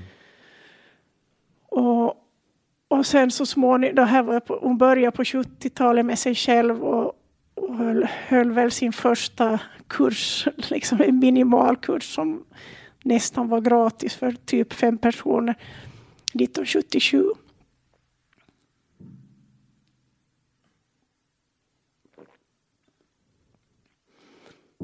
Och sen blev hon så populär då och folk kom till henne för att bli friska. Och hon lärde ut övningar att de kunde sköta sig själva. Mellan behandlingarna eller om det var bara en behandling så kunde hon ändå hjälpa dem. Då. Och hon fick ett väldigt gott rykte och så där Och hon hade en ny man vid det skedet då som heter David Feinstein som han psykologen. Som är mycket sådär där eh, vänster hjärnhalva liksom, och hon är väldigt sådär höger hjärnhalva att hon är väldigt som ett stort entusiastiskt barn och som hela tiden upptäcker att så här kan vi göra. Om inte det här funkar så gör vi på det här sättet. Så han märkte ju att hon hade kunder och de var nöjda och sådär. Men han jobbar ju på sitt universitet med sina psykologiska forskningar och hade, hade sina tera, liksom terapier och sånt. Men han hade också lärt sig hypnos och sådär. Så han var ju ganska öppen egentligen. Men, men han var inte involverad i hennes arbete. Hon hade sitt och, och han hade sitt. Men sen så var det sån efterfrågan på att hon skulle skriva en bok och då behövdes hans insatser. Så han intervjuade henne och så skrev han boken åt henne så att säga. För här, här låter ju som den klaschen som jag är, är på väg att glida in på nu. Det här eh, att man upplever att någonting hjälper en. Då hjälper det ju en. Och det är ju det som är den ständiga konflikten mellan den vetenskapliga metoden och alternativmedicinen. Att, att om, om, om jag går till en, till en eh, homeopat eh, med eh, ett dilemma som jag har, somatiskt eller psykiskt, och så lindrar det mina symptom eller kanske gör mig frisk, då har ju det hjälpt mig. Men, men om inte vetenskapen kan bevisa varför det funkar, då avfärdar man det som... Men det finns massor inom, inom det som är allmänt accepterat inom sjukvården som man inte förstår vad som är själva vad det är som hjälper. Utan man, det är också bara resultaten empiriskt. Det är inget, inom forskning, det är inget, det är inget fel på, på forskningsmetoden. Det är hur, hur man tillämpar forskningen. Mm. Alltså jag tror verkligen på den vetenskapliga metoden. Det är inget liksom, tvivel om det. Och det finns ju forskning, forskning på, på homeopati också. Mm. Det, man, man avfärdar det för att man, in, för att man säger att man inte kan förklara mekanismerna. Mm. Men man kan inte heller förklara mekanismerna exakt för varför aspirin hjälper mot huvudvärk. Men sen, sen en sak som jag ofta märker, jag är ju medlem i alltså, Facebookgruppen Vetenskap och folkbildning. Och där tar de ju alltid upp, eh, det kommer liksom eh, folklig grupp, en, eh, ett påstående från någon hälso från, från något al alternativt hälso och så sitter folk och bara liksom och det är alltid samma. Jo, men det där är placebo. Man tillskriver allting placebo. Alltså så fort det kommer till... Och på finska så finns det någonting som kallas för uskomushoito, som trosbehandlingar. Mm. Och placebo är ju en väldigt stark effekt i sig. Men det finns ju verkliga mekanismer bakom det mesta. Men det man, man vet ju inte, alltså det finns ju faktiskt en teoretisk möjlighet att placebo är en form av självläkning. Alltså, ja, så placebo är en form av ja. självläkning. Det är inget tvivel om den saken. För jag menar, en del, alltså, det, att man, kroppen ställer in, ställer in sig på att läka själv. Och, och det, I sådana fall så visar det på att, på att man har en väldigt stark förmåga. Alltså, folk knyter ju det här till, alltså, till metafysiken. Eh, att, den här, att man, att liksom atomer och partiklar på något sätt kan liksom kommunicera med varandra. Och här har man ju också gjort med vetenskapliga metoder experiment för att, för att titta på hur, hur det här funkar. Och man har konstaterat att man vet inte hur, hur allting sitter ihop, men att det på något sätt sitter ihop. Alltså även på en, på en atomnivå så, så sitter allting ihop. Det, det, är precis, alltså det är klart att, att man kan bli frisk bara på övertygelsen. Men det gör ju inte att metoder inte skulle vara effektiva. Mm. Alltså, för det, och det var ju det som hennes man trodde att hon var någon slags placebotant. För hon var så trevlig och de började tro på hennes grejer och hennes karisma som hon har en enorm karisma. Och så, liksom, folk blir ju glada bara att hon kommer in i samma rum. Ja, så då tänkte han att det är nog något sånt säkert säkert fattade han ju att hon hade några riktiga metoder också. Men han hade ju inte då anammat till exempel knackningar själv i det skedet som metod. Så, så sen när han började intervjua henne för att de skulle skriva den där boken som heter Energy Medicine och kom ut 1998 i första upplaga och sen tio år senare i andra upplaga och sen har de skrivit flera böcker efter det. Men det är ju liksom grundboken. Så då insåg ju han att det är en fullständigt system, systematisk metod, undersökande metod. Så, så, så kontentan i alla fall för mig var att när jag var så trött och eländig och hade ärvt pengar av min mamma för att hennes hus hade brunnit ner ett år tidigare. Så det fanns försäkringspengar som hon inte hade ännu använt till något annat. Så satt jag med ett arv ett år senare. Och, och jag satt utan en mamma och utan ett närminne i stort sett. Jag var ganska eh, inget vidare bra på mitt jobb. Jag var mycket sjukskriven och och sen försökte jag komma tillbaks men jag orkar egentligen inte hålla saker, liksom den nivå av exakthet som behövs om man ska bereda lagstiftning.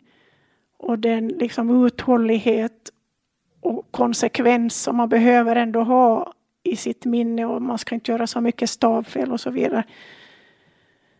Så så medan jag ännu var på jobb så började jag utbilda mig för min egen skull. För jag hade märkt på grund av internet och det har gått en två, två dagars kurs så hade jag märkt att det hjälpte mig, de här sakerna som hon undervisade. Och, och det är ju inte hon som håller kurserna i första hand nu, utan det är ju hennes elever som är lärare. För efter 98 så blev det liksom sånt sug då. Mm. Att, att de började experimentera med att hennes elever höll, höll kurserna. Och det blev lika bra resultat. Folk lärde sig lika bra som när hon höll kurser. Så, så då kände jag att det är viktigare att jag lever ett lyckligt liv och blir frisk och mår bra än, än att jag är duktig och fortsätter att försöka le leva som förut. Mm. Och då när den kom till Sverige för första gången, det här första årets utbildning som går ut på att man är fyra dagar på kurs fyra gånger i år och under mellantiden så skickar man in skriftliga uppgifter och gör behandlingar på andra och också har en sån här uppvisningstest via videokonferens med sin lärare. Så då satsar jag på det. Och det första året så handlar ju egentligen bara om mig själv. Jag hade vissa försökskaniner som jag övade på förstås. Men, men där på slutet av det året så hade jag bara ett sånt inre, en sån in, inre övertygelse eller någon slags inre tryck. Att jag måste fortsätta ett år till och då har jag varit fyra gånger i England. Och, nu, och då sen i fjol blev jag färdig i den Energy Medicine Certified Practitioner. Och nu har du startat eget företag? Mm. Hur har det gått hittills? Jag skulle behöva lite mera kunder. Men samtidigt så är det bra för mig att starta långsamt också. Mm.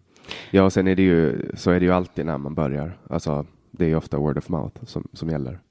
Och det blir ju en, en ackumulerande effekt. Att, att är det man gör någonting som, som gör att folk mår bättre så, så kommer det att funka till sist. Men jag kan tänka mig att du, att du får stångas mycket med folk som, som menar att det här är bullshit. Liksom. Ja, väldigt lite. För folk är väl artiga, tänker jag. Mm.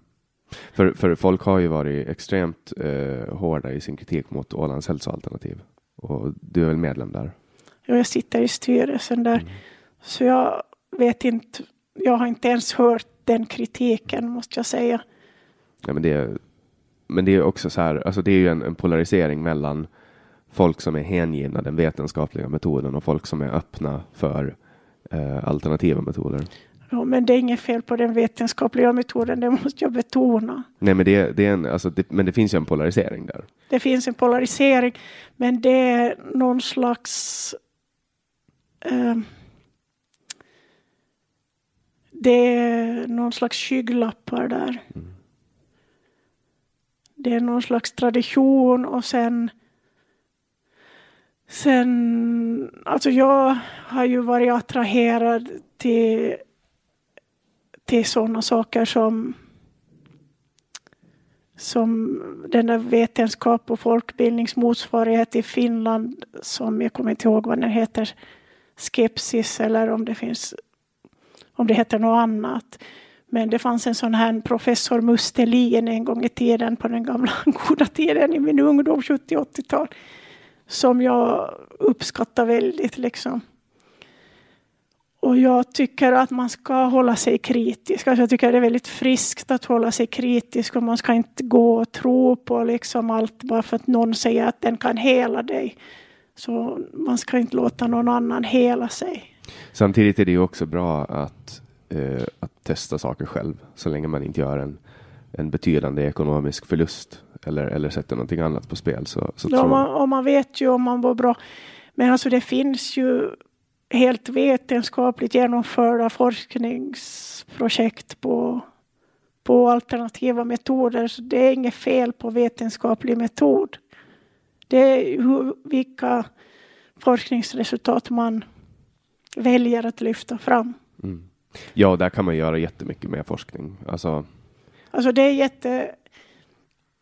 Det är liksom... Alltså det är ju så att de som sätter... Jag menar det finns på, på högfet kost och så finns det forskningsresultat hur mycket som helst. Det är inget fel på det. Ändå fortsätter man med gamla kostpyramider. Mm.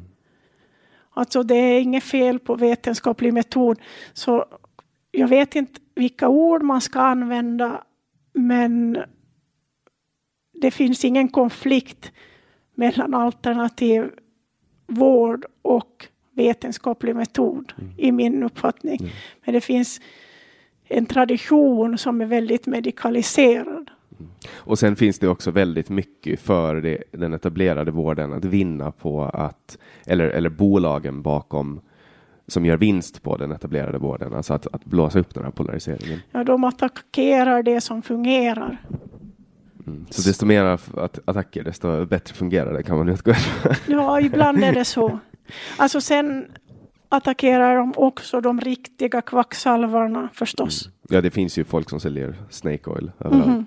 Men jag har ju till exempel på sjukhuset fått eh, en eh, akupunkturbehandling. Eller alltså, de har stoppat in nålar i öronen och det har fått min kropp att domna av riktigt jävla ordentligt.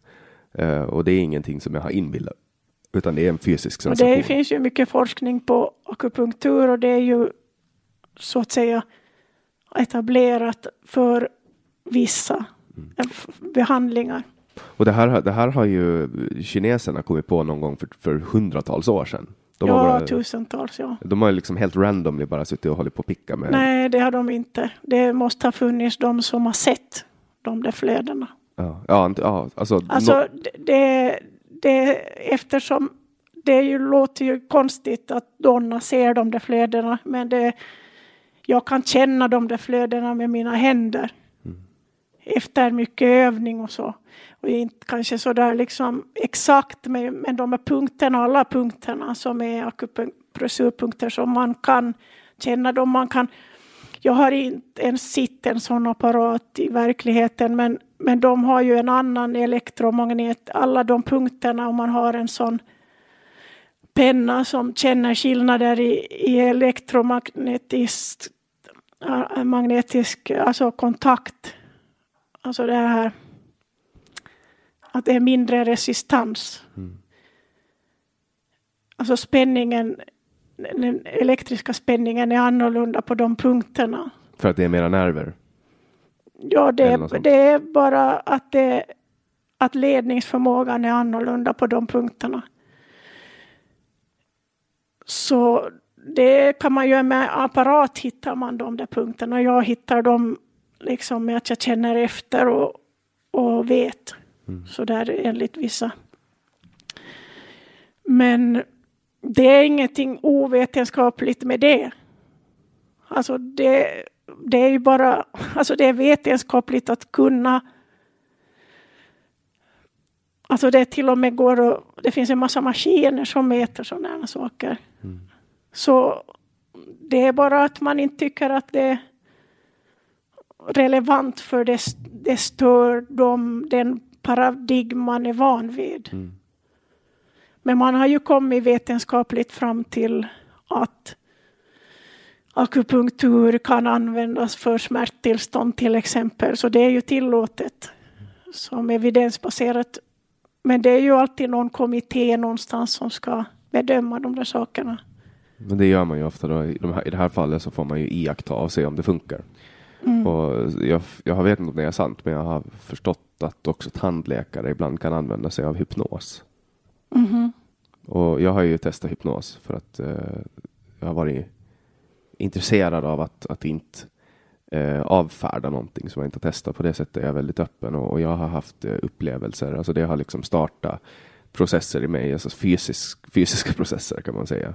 Alltså att jag varit på hypnos och sen efteråt har jag mått, alltså under tiden så har jag mått extremt dåligt fysiskt och sen börjar jag må bättre och så lättar allting. Det kommer upp känslor etc. Och så är det väldigt svårt för mig att förklara varför, men det har gett mig någonting och, och därav har det varit värt att betala för det.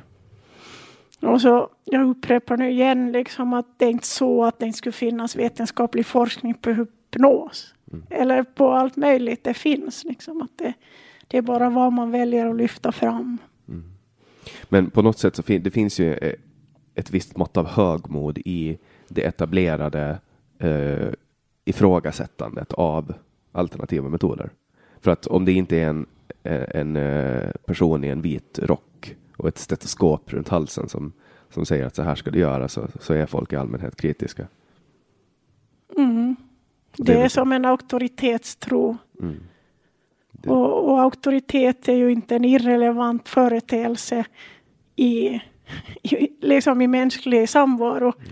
Men en blind auktoritetstro är ju farlig. Ja, ja det, var ju, det var ju en läkare som blev dömd för att ha mördat patienter genom att operera in plaststrupar på Karolinska. Mm -hmm. Alltså, det är ju det är ju en auktoritetsperson som påstår att det här är ett vettigt ingrepp och så har staten betalat det och så har det gått åt pipan. Liksom. Men... Därför måste det finnas självreglering, liksom det måste finnas den här öppenheten som är ju obekväm. Alla vi tycker ju att det är obekvämt att, att folk tittar in i vad vi gör. Mm. Jag menar om man jobbar inom offentlig förvaltning så är det klart att man missar någonting och det är något papper som man kanske har tappat bort eller som man skrev lite slarvigt någonting och om någon börjar granska en så det är väl inte så trevligt. Mm. Att ingen tycker väl om granskning men det är ju absolut en nödvändig sak. Sen en annan sak att, att mindre fel som begås så poängen borde vara att rätta dem, inte att hänga ut den som har begått dem. Nej, och granskning kan också uppfattas ofta väldigt, alltså för att granskningar, speciellt journalistiska sådana, ska ju alltid liksom kokas ner till ett lättläst format och då får man ofta plocka undan ganska stora delar av den tillgängliga informationen. Och, och, då kan det lätt uppfattas fel. Alltså folk som blir granskade uppfattar ofta att de har blivit feltolkade.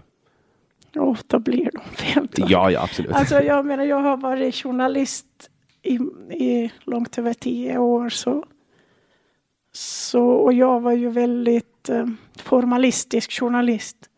Så mina texter var ofta ganska noggranna.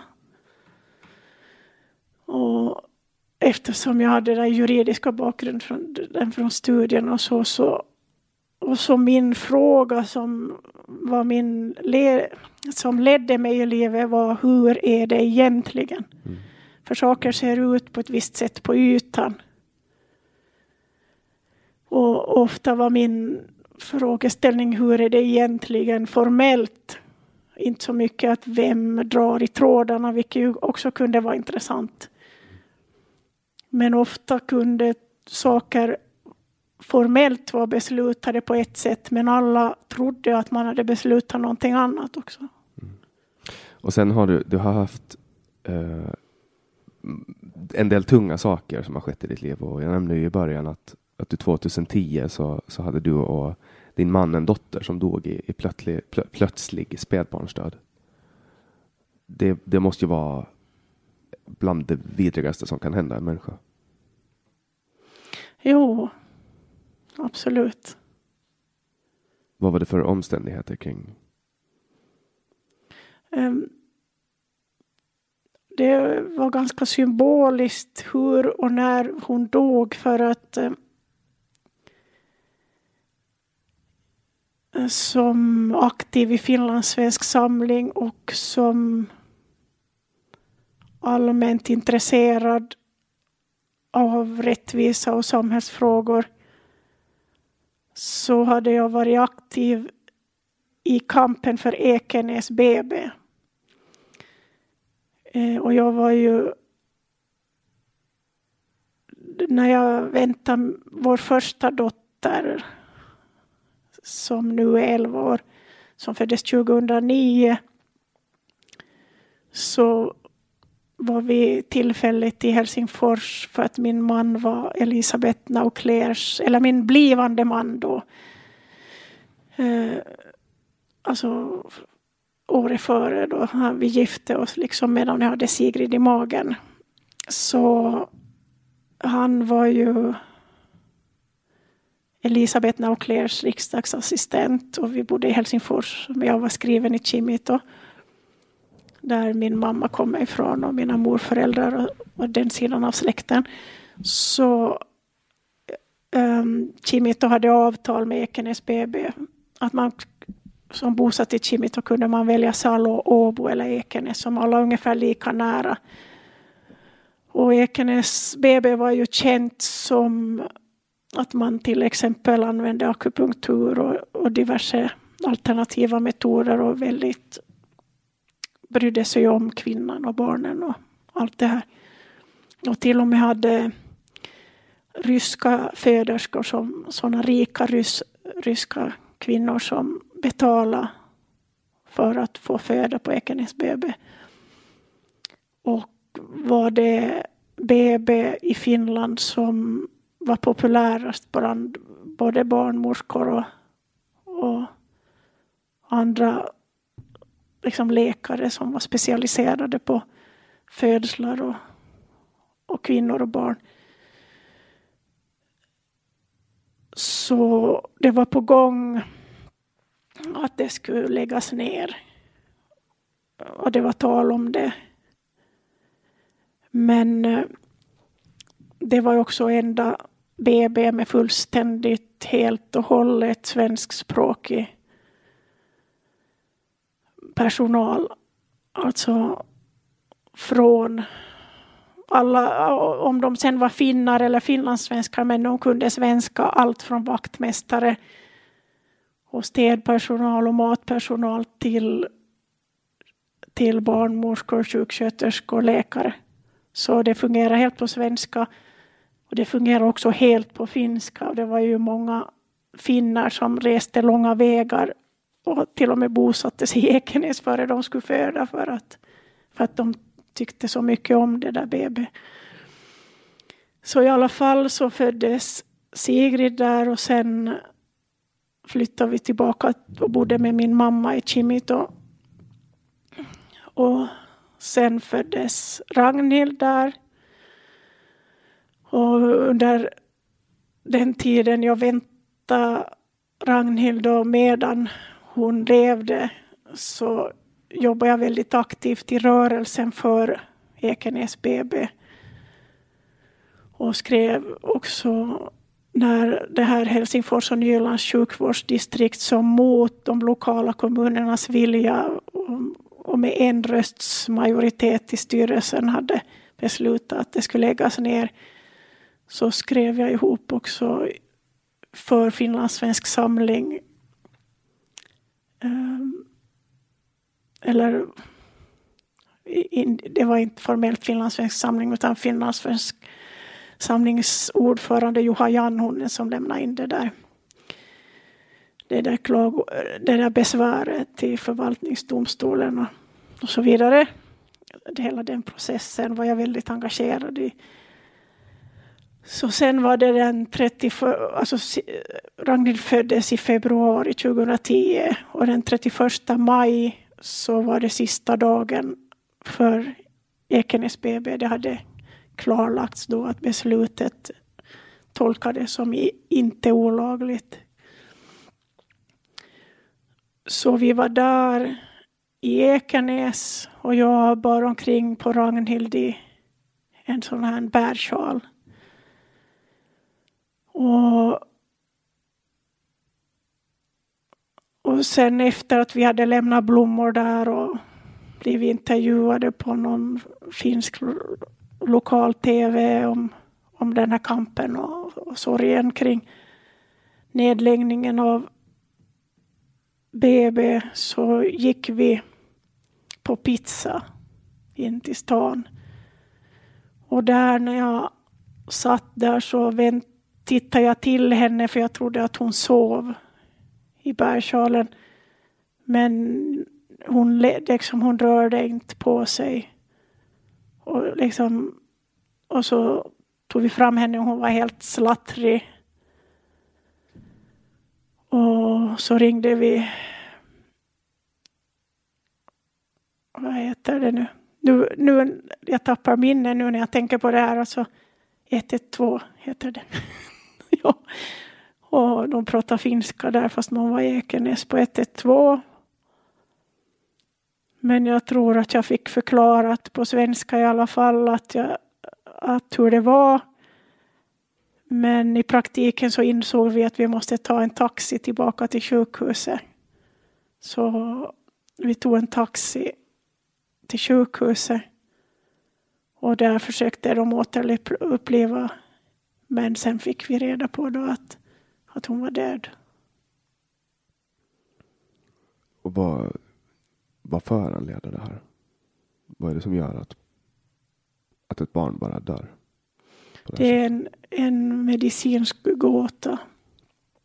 Så läkaren sa att det var samma läkare som konstaterade henne död som hon hade friskskrivit henne då när vi skrevs ut från BB. Och han sa att det är en väldigt svår sak för medicinska personalen för att om någon har cancer eller om någon har någon sjukdom då har de någonting de kan göra.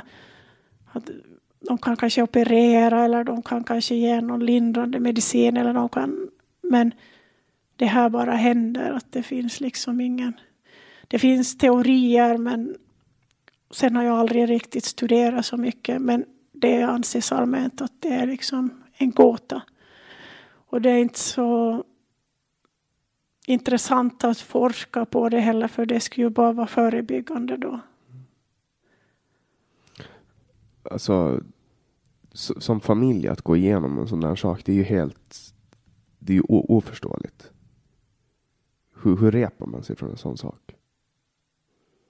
Som alla säger som har varit i kriser är ju det att, att man har ju bara två val, endera att lägga sig ner och dö eller att leva, så väljer man att leva.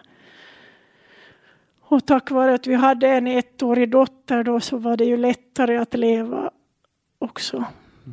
Det fanns någonting att leva för och sen, sen var vi ju i den situationen att vi bodde med min mamma då. Så vi kunde ju få mat på bordet utan att själv behöva tänka så mycket.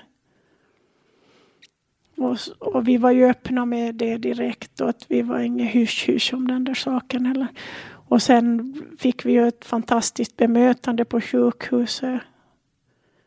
Att de, ja, men det var ju en enorm chock att man tar ju inte riktigt till sig vad man hör exakt heller. Men de hade tålamod och vi var där flera timmar. Och, och de satte liksom linda in henne och så fanns det ett kapell som vi kunde gå och se på henne. Och de hade en ros där med när hon var, låg framme där. Och enormt vacker. Förstås, som att då var hon ju så ny att hon var ju som att hon sov där då. Och det kom en präst och och sen någon timme senare kom polisen.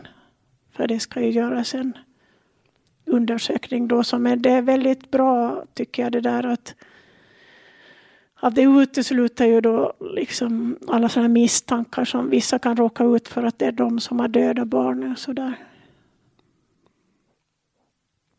Alltså jag, jag kan inte ens tänka mig hur, hur en sån Alltså jag, jag, kan inte ens tänka mig in i den situationen. Det är liksom så. Och det är lätt för mig i alla fall att, att skena iväg i andliga tankar. Typ att det kanske finns en högre mening. Det kanske, det kanske förhindrar att någonting ännu värre ska hända i framtiden. Alltså förstår du vad jag menar? Att, att det, det är så svårt att förstå eh, att något sånt kan hända ett litet barn att, att, att man måste vända sig till, till det andliga för att kunna smälta det. Gick du, gick du igenom en sån period?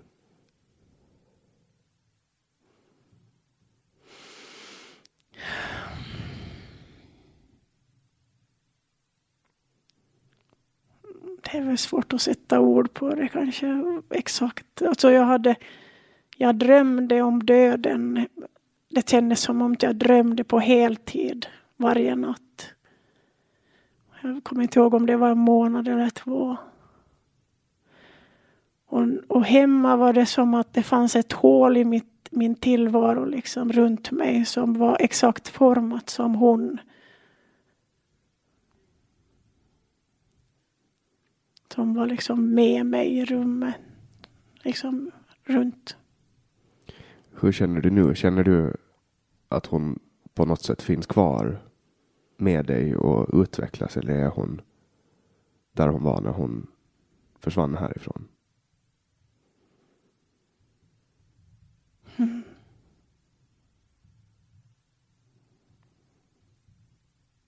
Ja, jag vet inte riktigt.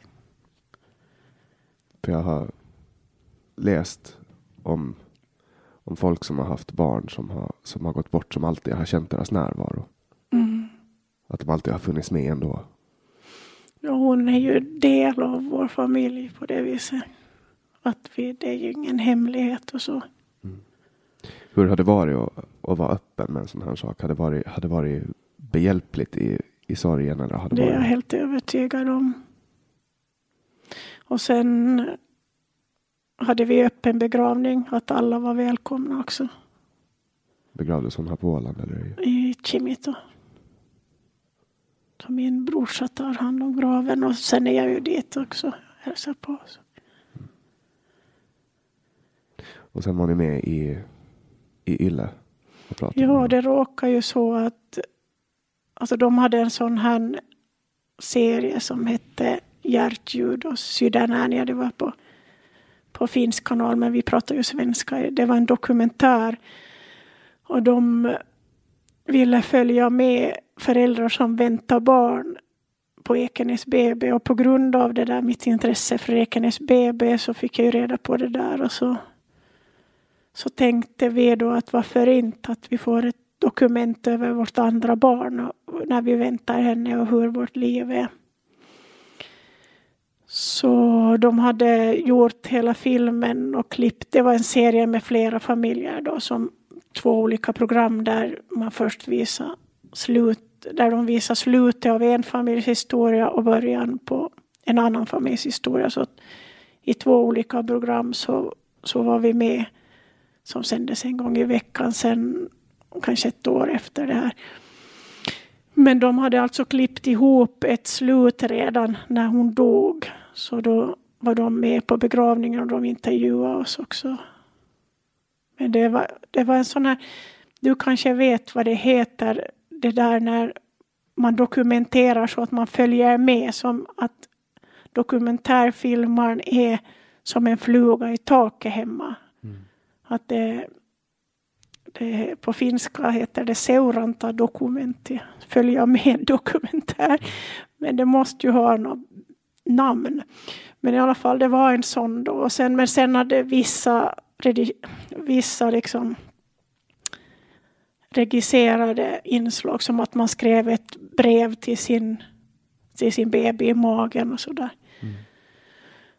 Och, och så att vi pratade lite då. Alltså annars hade det ju varit sånt att de filmade oss när vi åt eller när vi bytte blöja och sånt. Och då själva när vi födde henne filmades, när hon kom ut filmades. Och när hon låg, när vi somnade sen efter att jag hade fött och vi alla tre sov där med bebisen och så där. Så allt det är ju filmat. Brukar du kolla på det ibland? Jo, nu har jag inte på ett bra tag men i början så tittade vi ju ganska ofta på en sån här liten film som de gjorde speciellt till begravningen. Mm. Och sen på hela också. Så vi kunde titta på årsdagen och sådär. Mm. Och det är säkert dags att titta på den igen ganska snart. Men vi titt, det som jag skulle rekommendera folk är att, att se sanningen i vitögat när någonting sådant händer. Det kan vara en bebis eller det kan vara en gammal mamma. Eller det kan vara en 18-årig kille som är ovan med sin nya motorcykel. Men jag rekommenderar att, att fast det är obduktion, att gå och titta sen. Och helst vara med vid, vid kistläggningen. Mm. För det är bra att, att förstå på riktigt att det har hänt. Mm. Och nu har vi ju prata om ett, ett, eh, ett mindre roligt ämne. Eh, men ändå väldigt viktigt. Det är ju en, en, en del av livet onekligen. Döden kommer ju alltid att inträffa. Det är väl det enda som är konstant. Men finns det någonting som, som du vill prata om före vi avslutar? Någonting som du brinner för, någonting som du känner att vi inte har lyft nu under de här två timmarna?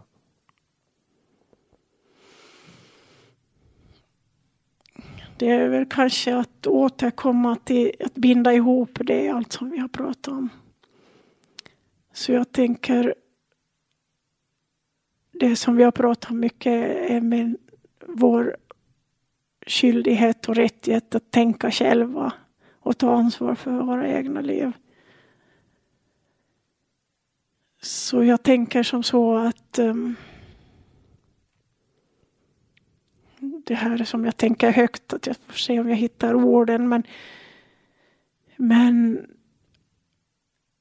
det är inte så bara att vi är som barkbitar som flyter omkring i liksom någon slags eh, flod eller bäck eller till och med i något vattenfall. Fast ibland händer det. Som att ibland händer det där som man har ingen kontroll över överhuvudtaget. Som när Ragnhild dog. Ehm, men det är ändå... Och, och som när Ragnhild dog så då ställde alla upp för mig att liksom jag och, och för Olle också som ju förstås var totalt chockad. Alltså absolut lika mycket som jag. Så, så en reflektion kring döden i den situationen när Ragnhild dog, så det var någonting som alla förstod. Alla förstod hur hemskt det var. Och det var absolut det hemskaste som har hänt i mitt liv. Men ibland så är det svårt och ingen, ingen har riktigt inte ens man själv förstår mekanismen av varför man mår så dåligt. Man kan bara må dåligt, man kan vara irriterad och arg och sur och deprimerad och, och allmänt nervig och allmänt knäpp liksom. Och då så behöver man också andra människor. Mm. Så man kan, alla kan förstå att, att att, äh, att ähm, folk kan bete sig konstigt och de har en orsak. Att man kan man kan ha kanske det bästa att säga kärlek till andra människor utan att man behöver tycka om det de gör. Mm.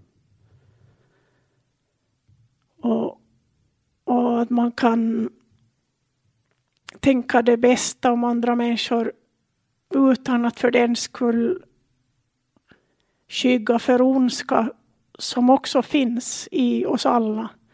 Och vissa människor har av en eller annan orsak blivit mer eller mindre lockade till den sidan av sig själva. Och, och jag tycker väldigt illa om fördömande eller dubbelmoral och det betyder inte att jag inte skulle fördöma saker. Men jag tycker inte om att klassificera människor som onda och goda. Och att vissa grupper har någon slags självberättigande att representera alla andra grupper. Att, att man kan vara homosexuell och höger. Eller man kan vara homosexuell och rasist. Eller man kan vara svart och rasist. Eller man kan vara vit och, och inte ha en gnutta rasism i sig. Att var och en person är liksom som en enhet i samverkan med alla andra. För ingen människa är en ö. Ingen människa är lycklig totalt ensam när man föds så är man helt beroende av att bli omhändertagen. Vi människor är absolut beroende av andra människor. Så vi kan dels vara den andra människan i alla sammanhang. Men vi kan också vara vår, vår, ha vår, e, hitta vår egen inre kompass. Och i det sammanhanget, för att vara lite mera, jag har ett behov av att vara lite mer konkret vad gäller Donna för jag har pratat väldigt, på en väldigt allmän nivå. Så hon lär ut saker som gör att man själv påverkar sin egen hälsa.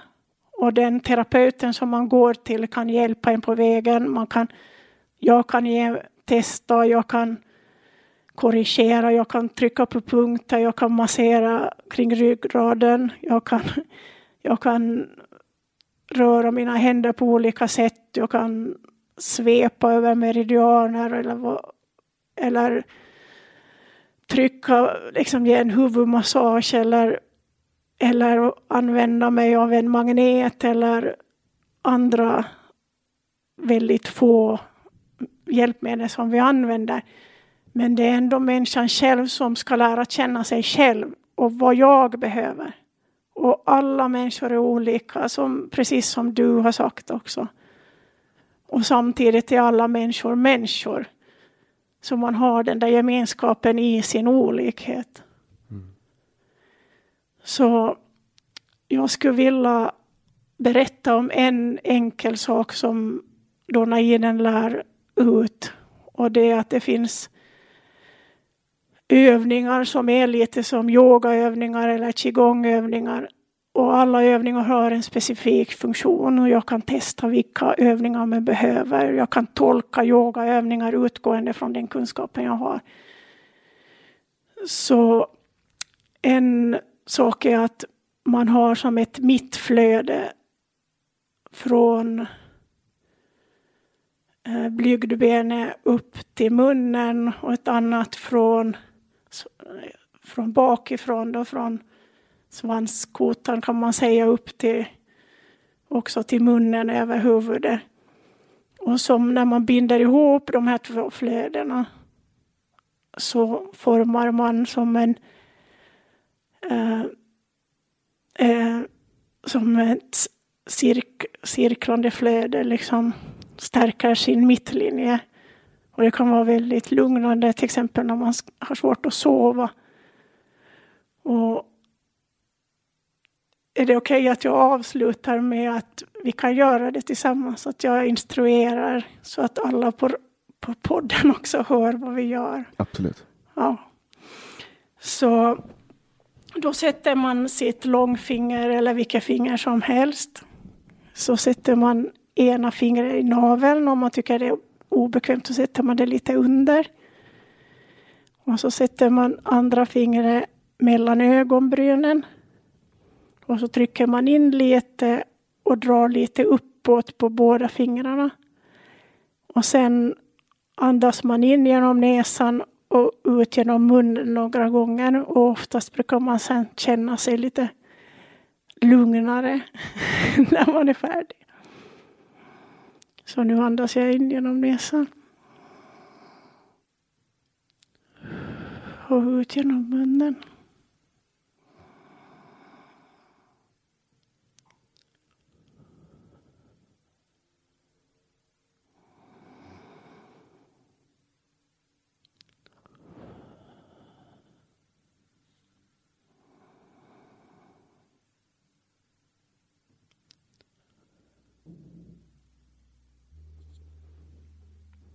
Så.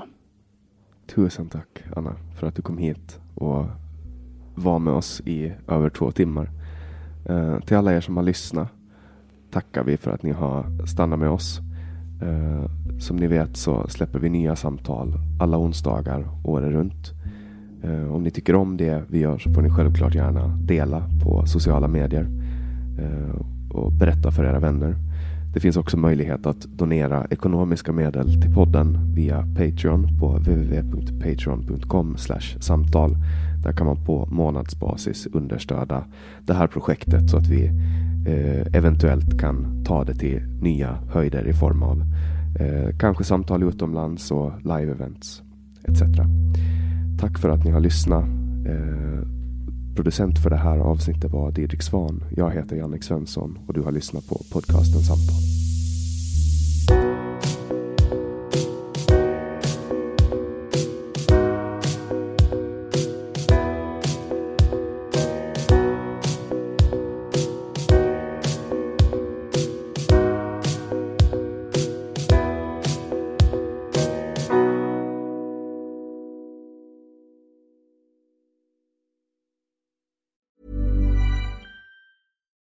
Deserves the best, and there's no better place to shop for Mother's Day than Whole Foods Market. They're your destination for unbeatable savings, from premium gifts to show-stopping flowers and irresistible desserts. Start by saving 33% with Prime on all body care and candles. Then get a 15-stem bunch of tulips for just $9.99 each with Prime. Round out Mom's menu with festive rosé, irresistible berry chantilly cake, and more special treats. Come celebrate Mother's Day at Whole Foods Market. Flexibility is great. That's why there's yoga. Flexibility for your insurance coverage is great too. That's why there's United Healthcare Insurance Plans. Underwritten by Golden Rule Insurance Company, United Healthcare Insurance Plans offer flexible, budget friendly coverage for medical, vision, dental, and more. One of these plans may be right for you if you're, say, between jobs, coming off your parents' plan, turning a side hustle into a full hustle, or even missed open enrollment. Want more flexibility? Find out more about United Healthcare Insurance Plans at uh1.com. Hey, it's Danny Pellegrino from Everything Iconic. Ready to upgrade your style game without blowing your budget? Check out Quince. They've got all the good stuff shirts and polos, activewear, and fine leather goods, all at 50 to 80% less than other high end brands. And the best part? They're all about safe, ethical, and responsible manufacturing. Get that luxury vibe without the luxury price tag. Hit up quince.com slash upgrade for free shipping and 365 day returns on your next order. That's quince.com slash upgrade.